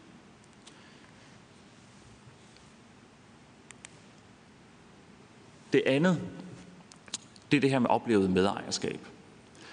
Her ser I udviklingen i andelen, der, oplever, op, der føler øh, ejerskab over sundhedsrådene og hvordan det har udviklet sig. Og igen, så ser vi en relativt høj grad af medejerskab i den danske befolkning, omkring 80 procent, og det er relativt øh, konsistent. Vi kan også se, igen betyder det formentlig noget, fordi der er en sammenhæng mellem en høj grad af oplevelse af medejerskab og øh, hvorvidt man er opmærksom på sundhedsrådene, såsom at holde afstand. Hvordan kan man så sikre det? Det, som vi ved er det centrale adfærdsmål, det er reduktionen af øh, kontakter. Men hvordan er det præcis, at reduktionen af antallet af kontakter skal sikres? Man kan sige, at der er mange, mange måder, hvorpå man kan hive kontakter ud af det sociale netværk, som et samfund er. Og en af de måder, hvorpå man kan sikre medejerskab, det er, hvis de tiltag, de anbefalinger og de restriktioner, de matcher befolkningens præferencer for, hvad er det for nogle kontakter, jeg helst vil opgive. Inden for selvfølgelig de overvejelser, der er omkring økonomi og øh, smitteforebyggelse. Og man siger, normalt så er det jo sådan set jer, der er garanter for, at der er et match mellem befolkningens præferencer og, øh, og de tiltag, der bliver, øh, bliver øh, lavet, fordi I er øh, den repræsentative kanal. Men jeg tror, det er øh, vigtigt, og som, som ved mundbind øh, lægger et ekstra lag af beskyttelse øh, på, fordi vi her er inde og øh, kigge på, fordi vi er her inde og rører ved folks ekstrem private adfærd, hvor at vi skal ændre vores vaner ned på, hvordan vi agerer bag hjemmets fire vægge, øh, hvem vi ser privat. Og derfor så mener jeg, at det er relevant at overveje, kan man gøre noget yderligere for at styrke legitimiteten ud over, øh, eller befolkning, øh, matchet mellem befolkningspræferencer og, øh, og tiltagene ud over den normale repræsentative kanal. Og en måde at gøre det på, det er ved at have sådan et individualiseret borgerfokus og sige, vi laver et kommunikativt skifte fra restriktioner til at, at give folk et positivt handlerum i forhold til deres konkrete hverdag. Og det lyder lidt abstrakt, men et eksempel på det vil eksempelvis øh, være det her med at sige, øh, som øh, Sundhedsstyrelsen meldte ud, vi synes, det er hensigtsmæssigt, hvis I kun ser, ser 10 personer. Det er det pejlemærke, som vi giver. Men inden for det pejlemærke, så er det sådan set op til jer og, øh, at finde ud af, hvordan det passer bedst ind i jeres øh, hverdag. Og det betyder, at I skal ikke føle skam eller skyld, hvis I ser 10 personer, for det er sådan set inden for de øh, anbefalinger, vi giver. Så det er ligesom en måde, hvor at man siger, at det er det her, der er pejlemærket. Prøv at finde ud af selv, hvordan det passer ind i jeres hverdag. Men derudover så kan man jo også tage et andet blik på det her med at sikre et match, og det er, jamen, hvor, hvad mener den gennemsnitlige borger? Hvad er almen viljen, det her forkædrede begreb, i forhold til, hvordan skal vi rent faktisk øh, gå til det her spørgsmål om at reducere kontakter? Og det, som jeg vil foreslå, det er at have en databaseret øh, tilgang øh, til det. Man kan øh, og bør, mener jeg, etablere en opinionsenhed. Man taler meget om adfærdsenheder i politik rundt omkring, men man kan sådan set sige, at det, der er det relevante her, er i første omgang en opinionsenhed, hvor målet ikke er at finde på små måder, hvorpå man kan notche befolkningen, men sådan set er relativt objektivt at kortlægge, hvad er det rent faktisk folk gerne vil have? Hvordan, hvad er det, man kan leve med igennem de måneder, vi ser ind i? Og der er mange metoder til det. Der er spørgeskemaer, der er fokusgrupper, som også øh, Jakob har nævnt. Der er høringer af denne her type. Og når vi, hvis vi gerne også må være bagkloge øh, her, så kan man sige, at det var måske noget af det, man skulle have brugt sensommeren på at prøve at sige, hvordan er det rent faktisk, vi skal gebære det os. At man der havde taget det langstrakte perspektiv alvorligt og sagt, det her det er mange måneder endnu, så hvordan gør vi det? I øh, vores forskningsprojekt jamen, så indsamler vi øh, spørgeskema-data omkring restriktioner, øh, og det kan I se her, og det er ikke fordi I, I kan læse øh, det formentlig op på sliden, men men vi spørger ind til en række af forskellige restriktioner, og det matcher ikke specielt godt den danske virkelighed, fordi vi gør det i otte lande, og det skal, øh, skal have nogle forskningsmæssige mål øh, mere end det her. Men man kan sådan set gå ind og spørge, er du som befolkning med, øh, villig til at, at have en udbredt brug af mundbind, og det er der så 70 procent, der siger, jamen det er vi egentlig med på. Eller at aflyse offentlige begivenheder, jamen det er 90 procent egentlig med på at sige, det er ikke noget, der gør ondt. Så kan man sige, øh, udgangsforbud, der er vi meget, meget langt nede i, øh, i befolkningen, der siger, at det synes vi er en god idé. Så det er bare for at sige, at man kan sådan set godt stille spørgsmål af den her type og få et meningsfuldt svar fra, øh, fra øh, almen viljen. Så hvis jeg skal opsummere, så vil jeg sige, at det, man bør gøre fremadrettet, det er at inddrage borgernes oplevelse af legitimitet som et væsentligt pejlemærke i en fremadrettet strategi på linje med smitten og på linje med økonomien. Og man bør nedsætte en opinionsenhed, eller i hvert fald finde måder, hvorpå man kan kortlægge præferencerne, opfattelser og udfordringer på borgerniveau. Derudover er der hele diskussionen omkring adfærden i sig selv og få inkorporeret det bedre i modeller, som øh, man også øh, bør gøre. Men så i forbindelse med det her fremadrettede øh, sikring, så øh, fastlægge procedurer, som så vidt muligt sikrer fornyet transparens og denne her oplevelse af medejerskab. Tak. Tusind tak øh, for, for den her præsentation. Jeg, jeg har også lige et par enkelte sådan lige opklarende spørgsmål til den. Øh, jeg hører det som om her, at øh, du også ligger der lidt op af Jens Lundgren, som siger, at det er adfærden blandt borgerne, der er, der er super vigtig her. Du har nogle redskaber til, hvordan man kan få folk til at overholde restriktionerne. Øh, og det er blandt andet at finde ud af, hvilke restriktioner de, de helst vil have. Øh, og hvis man finder ud af det, så kunne man jo overveje at indføre dem. Det er jo en konkret, et konkret tiltag, du rent faktisk foreslår her. Så siger du også, at der skal være transparent, transparens. Og du siger faktisk også, at der skal være mere transparens. Man kunne godt lægge noget op på myndighedernes hjemmesider. Det kunne du ikke se noget problem med. Hvad er det, som du foreslår, der skal lægges op på myndighedernes hjemmesider? Det, den fik jeg ikke lige helt fat på.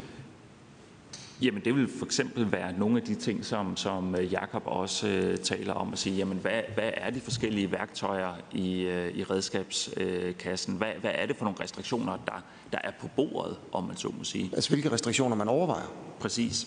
Øhm, og overvejelser omkring, hvad er omkostninger og fordele. Og så også, jamen hvad er det for nogle øh, idéer, man har til øh, til, hvad det er for nogle signaler, man kigger efter. Det kan godt være, at man ikke kan lave sådan et trafiklys, men, men der er jo ting, som vi ved øh, er mere eller mindre problematisk. Eksempelvis øh, skældet mellem øh, lokal øh, spredning af smitte eller øh, mere udbredt samfundssmitte. Altså der er jo pejlemærker, man godt kan lægge frem. Og så selvfølgelig al den øh, evidens, øh, som, øh, som også øh, Jens øh, nævnte omkring modelleringer, få, få det ud øh, så hurtigt som muligt øh, og lægge det frem. Okay, tusind tak. Nu er der 20 minutter tilbage af, af høringen, øh, og nu øh, får de folkevalgte ordet og, og kan spørge, og der er en lang øh, spørgerække her, og jeg tror egentlig, jeg vil starte med Per Larsen fra øh, Konservative Folkeparti. Tak for det, og tak for nogle gode oplæg. Jeg håber, I får mulighed for øh, at, og, hvad hedder, dosere regeringen også. Fordi at det er jo rent faktisk dem uh, i det scenarie, vi er i i øjeblikket, uh, der træffer beslutningerne, og det er også der tilhører i et eller andet omfang uh, til det, der så bliver sat i værk. Og sådan, uh, sådan er det. Uh, men nogle rigtig fine oplag, og tak for det. Jeg vil faktisk uh, uh, spørge efter, fordi de økonomiske uh, vismænd uh, var jo ude og sige noget om nogle, nogle flere test. Altså, så det, øh, det vil jeg gerne øh, her i, i øh, lige tænke lidt over, om det, om det kunne være hensigtsmæssigt, at vi tester noget mere. Vi er jo nødt til at se, at den her situation, vi er i, at den er jo ganske bekostelig. Altså milliarderne, de, de fyrer jo afsted. Nu blev der lige vedtaget hjælpepakke til 8 milliarder her, som så skal række resten af året ind i januar. Øh, vi slår øh, stort set alle landets mink ihjel i de her dage. Øh, det koster også en forfærdelig masse penge, og vi har masser af arbejdsløse på baggrund af det, der er sket, og, og, og alle dem, der er blevet sagt op, og vi har øh, altså nu kan vi også se, at eksportvirksomhederne de begynder for alvor at fyre folk. Øh, og vi har øh, ja, i hvert fald udsigt til øh, givetvis meget mere arbejdsløshed. Og når jeg sådan summerer op, så, så, så man så sige, at det er jo en sundhedskrise, den her. Men, men, men øh, altså, når vi bruger alle de penge, som vi nu gør, øh, altså øh, vanligt, så får man omkring en milliard øh, til, til ovenpå i sundhedsvæsenet, eller måske halvanden. Øh, og når jeg tænker på de her, alle de her midler, som vi bruger nu, det, det, det er jo ganske voldsomt, og vi vil jo øh, på alle måder kunne få rigtig meget sundhed for alle de penge, øh, hvis man brugte dem på det. Øh, men jeg tænker lidt på i forhold til at, at, at minimere, altså have lidt mere gang i samfundet. Vil det så være hensigtsmæssigt uh, simpelthen at teste noget mere og opspore, og så altså tåle, at, at der måske vil være nogle flere, der bliver smittet, men vi får dem uh, trods alt også inddæmmet, og, og, og uh, sådan så at, at, at vi stadigvæk holder det på et fornuftigt niveau, fordi Altså, øh, indlæggelserne er jo ikke noget, der truer vores sundhedsvæsen øh, sådan fundamentalt, sådan som, som det ser ud i øjeblikket. Og vil jo sandsynligvis også godt kunne tåle øh, lidt flere indlæggelser, hvis det endelig skulle være. Vi er blevet bedre til at behandle folk, og, og det er jo ikke som, som dengang vi, vi lukkede ned der øh, med fuld kraft, hvor at vi ikke havde testkapacitet, vi ikke havde værnemidler, vi har ikke respiratorer nok, og, og, og alle de der uhyggeligheder. Altså nu har vi sådan set et velfungerende sundhedsvæsen, så kunne vi med nogle flere test tåle øh, øh, et samfund, som var lidt mere åbent end det, vi ser i dag. Jens Lundgren, klart Spørgsmål fra de konservative. Flere tests? Ja, tak. Altså, Det der er jo der er ikke nogen tvivl om, for et smittesynspunkt vil give mening, at vi dybest set testede den danske befolkning en gang om ugen. Det er cirka den, vi kalder, vi kalder generationstiden, hvor lang tid det tager for en er smittet ind til, øh, at den næste er smittet. Generationstiden til 5 til 6 dage.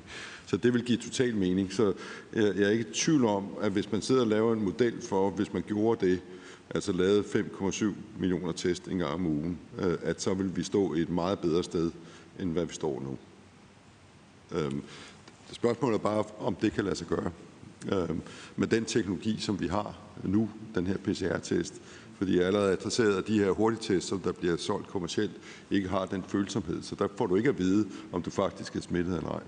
Så, så for at få udført det den vision, så kræver det, at vi skal have en ny teknologi, som vi ikke har i øjeblikket, men som jeg kan love for, der arbejdes med på højtryk. Fordi hvis man kan få en, et hurtigt svar på en test, som, der, som du kan tage i nuet, når du kommer ind til et eller andet arrangement, ind på en restaurant, og du kan få svar med det samme. Er positiv. Hvis du er positiv, så får du ikke lov til at komme ind. Hvis du er negativ, så får du ind, fordi du er faktisk ikke smitsom. Det vil jo være et paradigmeskift. Øh, det er det fjerde spor i, øh, nu nævnte jeg plan A, B og C. Det er øh, plan, men det er, det er også plan A, fordi den teknologi, der skal til for at kunne få opfyldt det ønske på en forsvarlig og pålidelig måde, Øh, det er sådan set knæsat som en virkelig vigtig del. Det problemet har bare været, at teknologien ikke er udviklet. Så.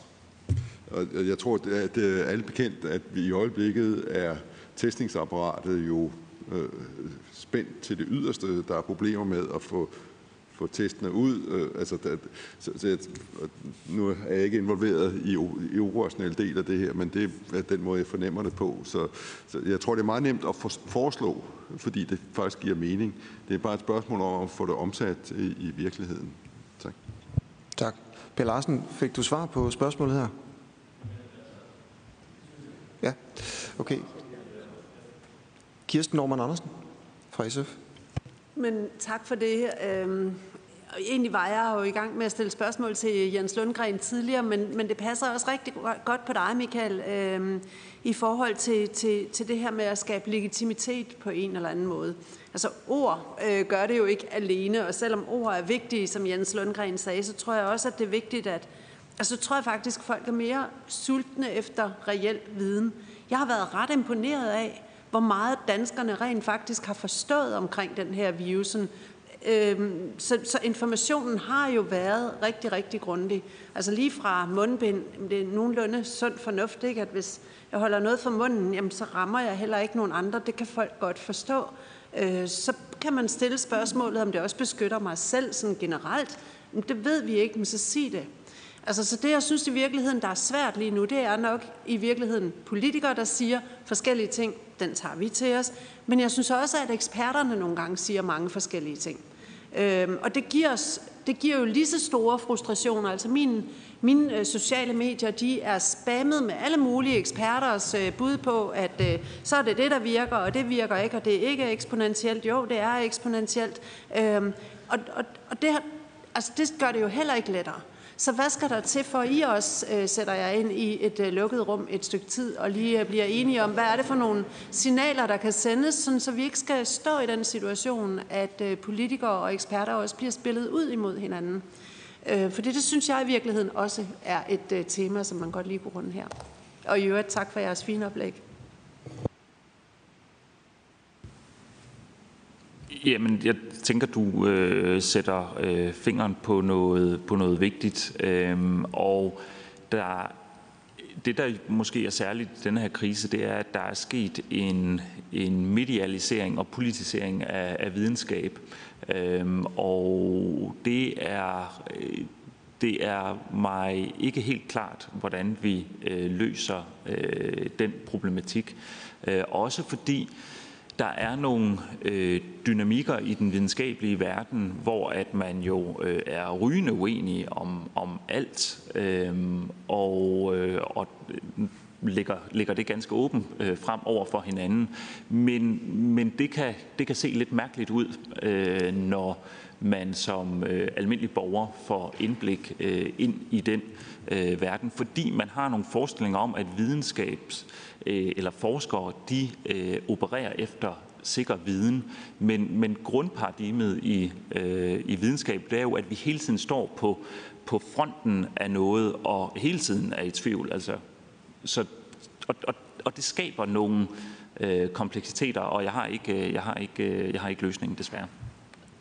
Jens Lundgren, en kort bemærkning. Ja, altså, jeg kan ikke sige det bedre end, at hvis, hvis du kender svaret på de videnskabelige spørgsmål, som du stiller dig, så vil jeg kvalificere, så er det ikke længere videnskab, så er det sådan set noget andet. Så, så der er, og, og det bliver nødt til at være kontroversielt.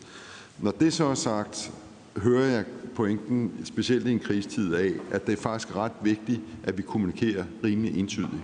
Øh, øh, uanset hvilken øh, ståsted man, man har. Øh, øh, og det vil jeg bare sige, at det kan man, det, det er en færre pointe. Der, der har selvfølgelig været et enormt stort folkeoplysningsbehov, som vi har forsøgt at dække på forskellige måder, og prøvet at holde os rimelig i banen, men jeg er med på, at en gang imellem, og specielt det her mundbind, det, det er fyldt rigtig meget. Måske lidt på nogle forkerte præmisser, fordi diskussionen er som sagt ikke, om du bliver beskyttet selv men du sagde det jo selv. Altså, du, du, så du har fattet, det, det er jo slet ikke derfor, vi vil anbefale mundbind. Det er jo fordi, vi, vi, vi beskytter andre mod, øh, hvis man selv er smittet. Så, så hvis man bare kan holde fast på den, øh, så kan vi måske få lagt noget af den øh, øh kontrovers lidt ned, øh, og faktisk komme tilbage til, at det faktisk giver intuitivt ret god mening. Rasmus Horne Langhoff fra Socialdemokratiet. Tak for også nogle, nogle spændende oplæg her. Jeg tror, der skal forvente, at der bliver kommer til at blive skrevet mange, mange lærebøger om det her. Øh, nu må vi så se, hvordan de bøger ender. Øh, om, om de ender med, at, at det gav større øh, hvad kan man sige, øh, folkelig legitimitet og større tiltro til, til det politiske system, eller øh, det er det modsatte. Øh, og det bliver lidt ligesom øh, sammenlignet med klimakrisen, øh, den økonomiske krise og andre lignende kriser, som har givet mindre tiltro til til politikerne. Der har vi jo så selvfølgelig herhjemme i Danmark et ansvar for, at det her forhåbentlig kan give en, en større tiltro til øh, politikere og øh, politisk handlekraft. Jeg tror, det er helt afgørende, at man ikke betragter det her som hverdagspolitik, men, men erkender, at det er krisepolitik. Og sandsynligvis den værste krise, Danmark har stået i øh, siden øh, 1945. Øh, og, og hvis man har det afsæt, så bør det være nemmere at, at, at mødes øh, og prøve at finde, finde fælles fodslag, selvom man naturligvis aldrig nogensinde kan gardere sig mod politiske uenigheder. Det, det kan jo være svært, men det er måske også reelt nok, øh, at der kan være nogle politiske uenigheder, og en gang imellem, at man gør noget samlet, og en gang imellem, man gør noget uden, fordi at der, der bare ikke var enighed omkring forskellige tiltag. Øh, og, og skrækscenariet, øh, der er mange skrækscenarier rundt omkring, men, men USA er oppe på 200, eller 228.000 øh, døde af corona, og vi har nok ikke set den sidste døde der endnu. Øh, og det viser i hvert fald, hvad, ja, hvor, hvor, hvor galt det kan gå, øh, og også øh, ved, at det går ind måske også bliver øh, meget øh, hverdagspolitik og fnider, og ikke er blevet taget øh, seriøst heller ikke fra præsidentens side. Nå, det var bare et par kommentarer der. Jeg har behov for også lige hvad hedder det, at, at kommentere på noget af det, øh, Jens Lundgren sagde. Øh, fordi det, det der var meget sjovt, og det viser jo også, hvor, hvor svært det her at ramme den balance. Fordi der bliver jo på den ene side efterlys totalt transparent øh, og åbenhed og øh, delagtiggøre øh, forskere og politikere og øh, så videre befolkningen i sine overvejelser. Når man så gør det, som ministeren så har gjort, øh, omkring at dele nogle, øh, nogle øh, matematiske øh, altså den her ekspertgruppe, som så leverer nogle matematiske modeller, som jo er nogle fremskrivninger, som vi ved jo ikke, men, men det er nogle, nogle, nogle matematiske fremskrivninger, som så kan gå den ene eller anden eller tredje vej, alt efter om det lykkes os at håndtere, øh, lave de rette tiltag. Så kan det så blive udlagt som, at det er et, et man, skal, man må ikke lave skræmmebilleder. Men, men øh, så, så det er jo den der, og der er jo ingen af os, der er interesseret i øh, at lave skræmmebilleder, tror jeg. Men, men hvordan, hvordan finder man den balancegang mellem, hvis man synes, man står ude i en meget, meget, meget kritisk situation, og man, og man får en, en alvorlig viden, så synes jeg da, at man, øh, ja, også på baggrund af jeres opfordringer, bør delagtiggøre flest muligt det, også når det så kan være en gang imellem øh, se skræmmende ud. Og det er lidt det samme i forhold til det her med øh, unge og smittetal. Jeg er sådan set enig i, selvfølgelig skal vi ikke hænge nogen til tørre nogen steder, og man skal jo ikke generalisere, fordi selv der, hvor vi kan se, at der er nogle grupper af befolkningen, der stikker rigtig negativt ud, så er det jo stadigvæk et mindretal. Øh, men, men der, hvor vi jo kunne se i hovedstaden, da det stak af, der kunne vi jo se, det var unge, øh, det var piratfester, det var også fester andre steder, øh, det var unge, det var særligt i 20'erne, at vi kunne se, at det, at det virkelig øh, stak af og virkelig var drivmotoren for smittespredning i hovedstaden. Øh, hvordan, øh, så det, det, det bliver man jo også nødt til at påtale, øh, samtidig med, at man selvfølgelig siger, at, må sige, at øh, heldigvis er det et fortal af unge, der ikke kan finde ud af at opføre sig ordentligt. Nå, bare et par betragtninger herfra. Og det her, det bliver det sidste spørgsmål øh, til panelet i dag, eller de sidste to spørgsmål. Lad os starte med balancen mellem, hvad der skal lægges frem og ikke skal lægges frem. Jens Lundgren, vil du prøve at kommentere på de tal, du også lagde frem? Jo, men altså, det, det, jeg, jeg prøvede ikke at kritisere nogen enkelt person, og slet ikke vores sundhedsminister, som jeg synes har gjort et rigtig stort arbejde. Og, så det var sådan set ikke, det var min pointe. Øh, øh min, min pointe ved at vise det, det var, at den model, hvis det var den, der lå, den blev refereret på, øh, på presmødet fredags, hvis det er den model, man reagerer på, og derfor indfører nogle restriktioner på baggrund af den model og den fremskrivning, så tror jeg, hvis jeg personligt må kommentere på det, den tror jeg godt vil have haft godt af, at vi lige har haft en fagfældet øh, diskussion omkring, før at den blev brugt til det grundlag. Og faktisk få den sat ind i, om det faktisk er en rimelig model og beregner. Og det er sådan set ikke, fordi jeg ikke, det, det er ikke, fordi jeg ikke tror, at matematikken er rigtig i det, men det er som sagt forudsætningerne. Øh, så, så det er ikke en enkelt person, men det tror jeg sådan set bare, det, det, det vil have skabt øh, den transparens, som jeg måske dybest set øh, efterlyser. Øhm, så ganske kort omkring det, det håber jeg svarer på, dit, øh, på den første kommentar. Det der med øh, udskamning af yngre og sådan noget, det, det, det tror jeg sådan set bare, vi er enige om, ikke? at man skal netop ikke sige det, at det er yngre. Man skal sige, at der er et segment af de yngre, som der har gjort noget, som der bare i den grad er uhensigtsmæssigt, og det skal stoppe. Ikke? Øh, og det kan du i øvrigt ikke løse med en restriktion. Det kan faktisk være restriktioner, gør det endnu værre. Det at piratfester og ting i den øh, private sfære. Så derfor så skal vi have hentet den del af befolkningen, der har gjort det, hentet dem ind igen og få dem forklaret, at det her det var virkelig uhensigtsmæssigt. Men det var jer, der gjorde det, og det er ikke alle de andre yngre. Det er jo det der, det er ligesom det der med i gamle dage, at de øh, gik i sauna. Det kan godt være, at nogle finder, de gør det. Det gør det måske også oftere end danskere, men det, det er jo ikke det samme som, at alle gør det, eller de kaster med knive. Eller, altså de der stereotyper, det er jo dem, som er enormt farlige Altså, det, det vil jeg sige, det er enormt farligt.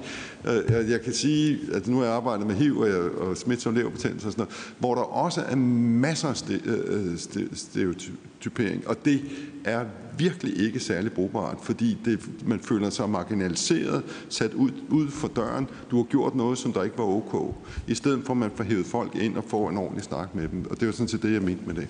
Tak. Tusind tak for, for det svar. Vi stopper nu. Jeg håber, at I er blevet øh, lidt klogere i hvert fald, øh, så I kan få Danmark øh, bedre igennem vinteren, end, end vi ellers ville være kommet. Og øh, ja, det er det, jeg har at sige herfra.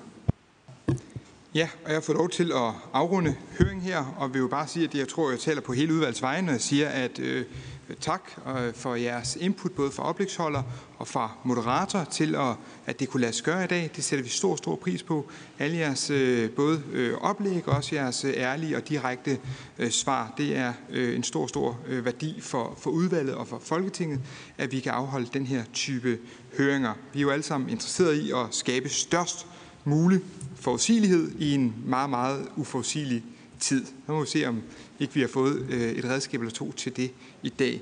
Så øh, tak for det, og også tak til øh, jer, der deltog, også øh, deltog øh, hjemmefra. Høringen hermed afsluttet.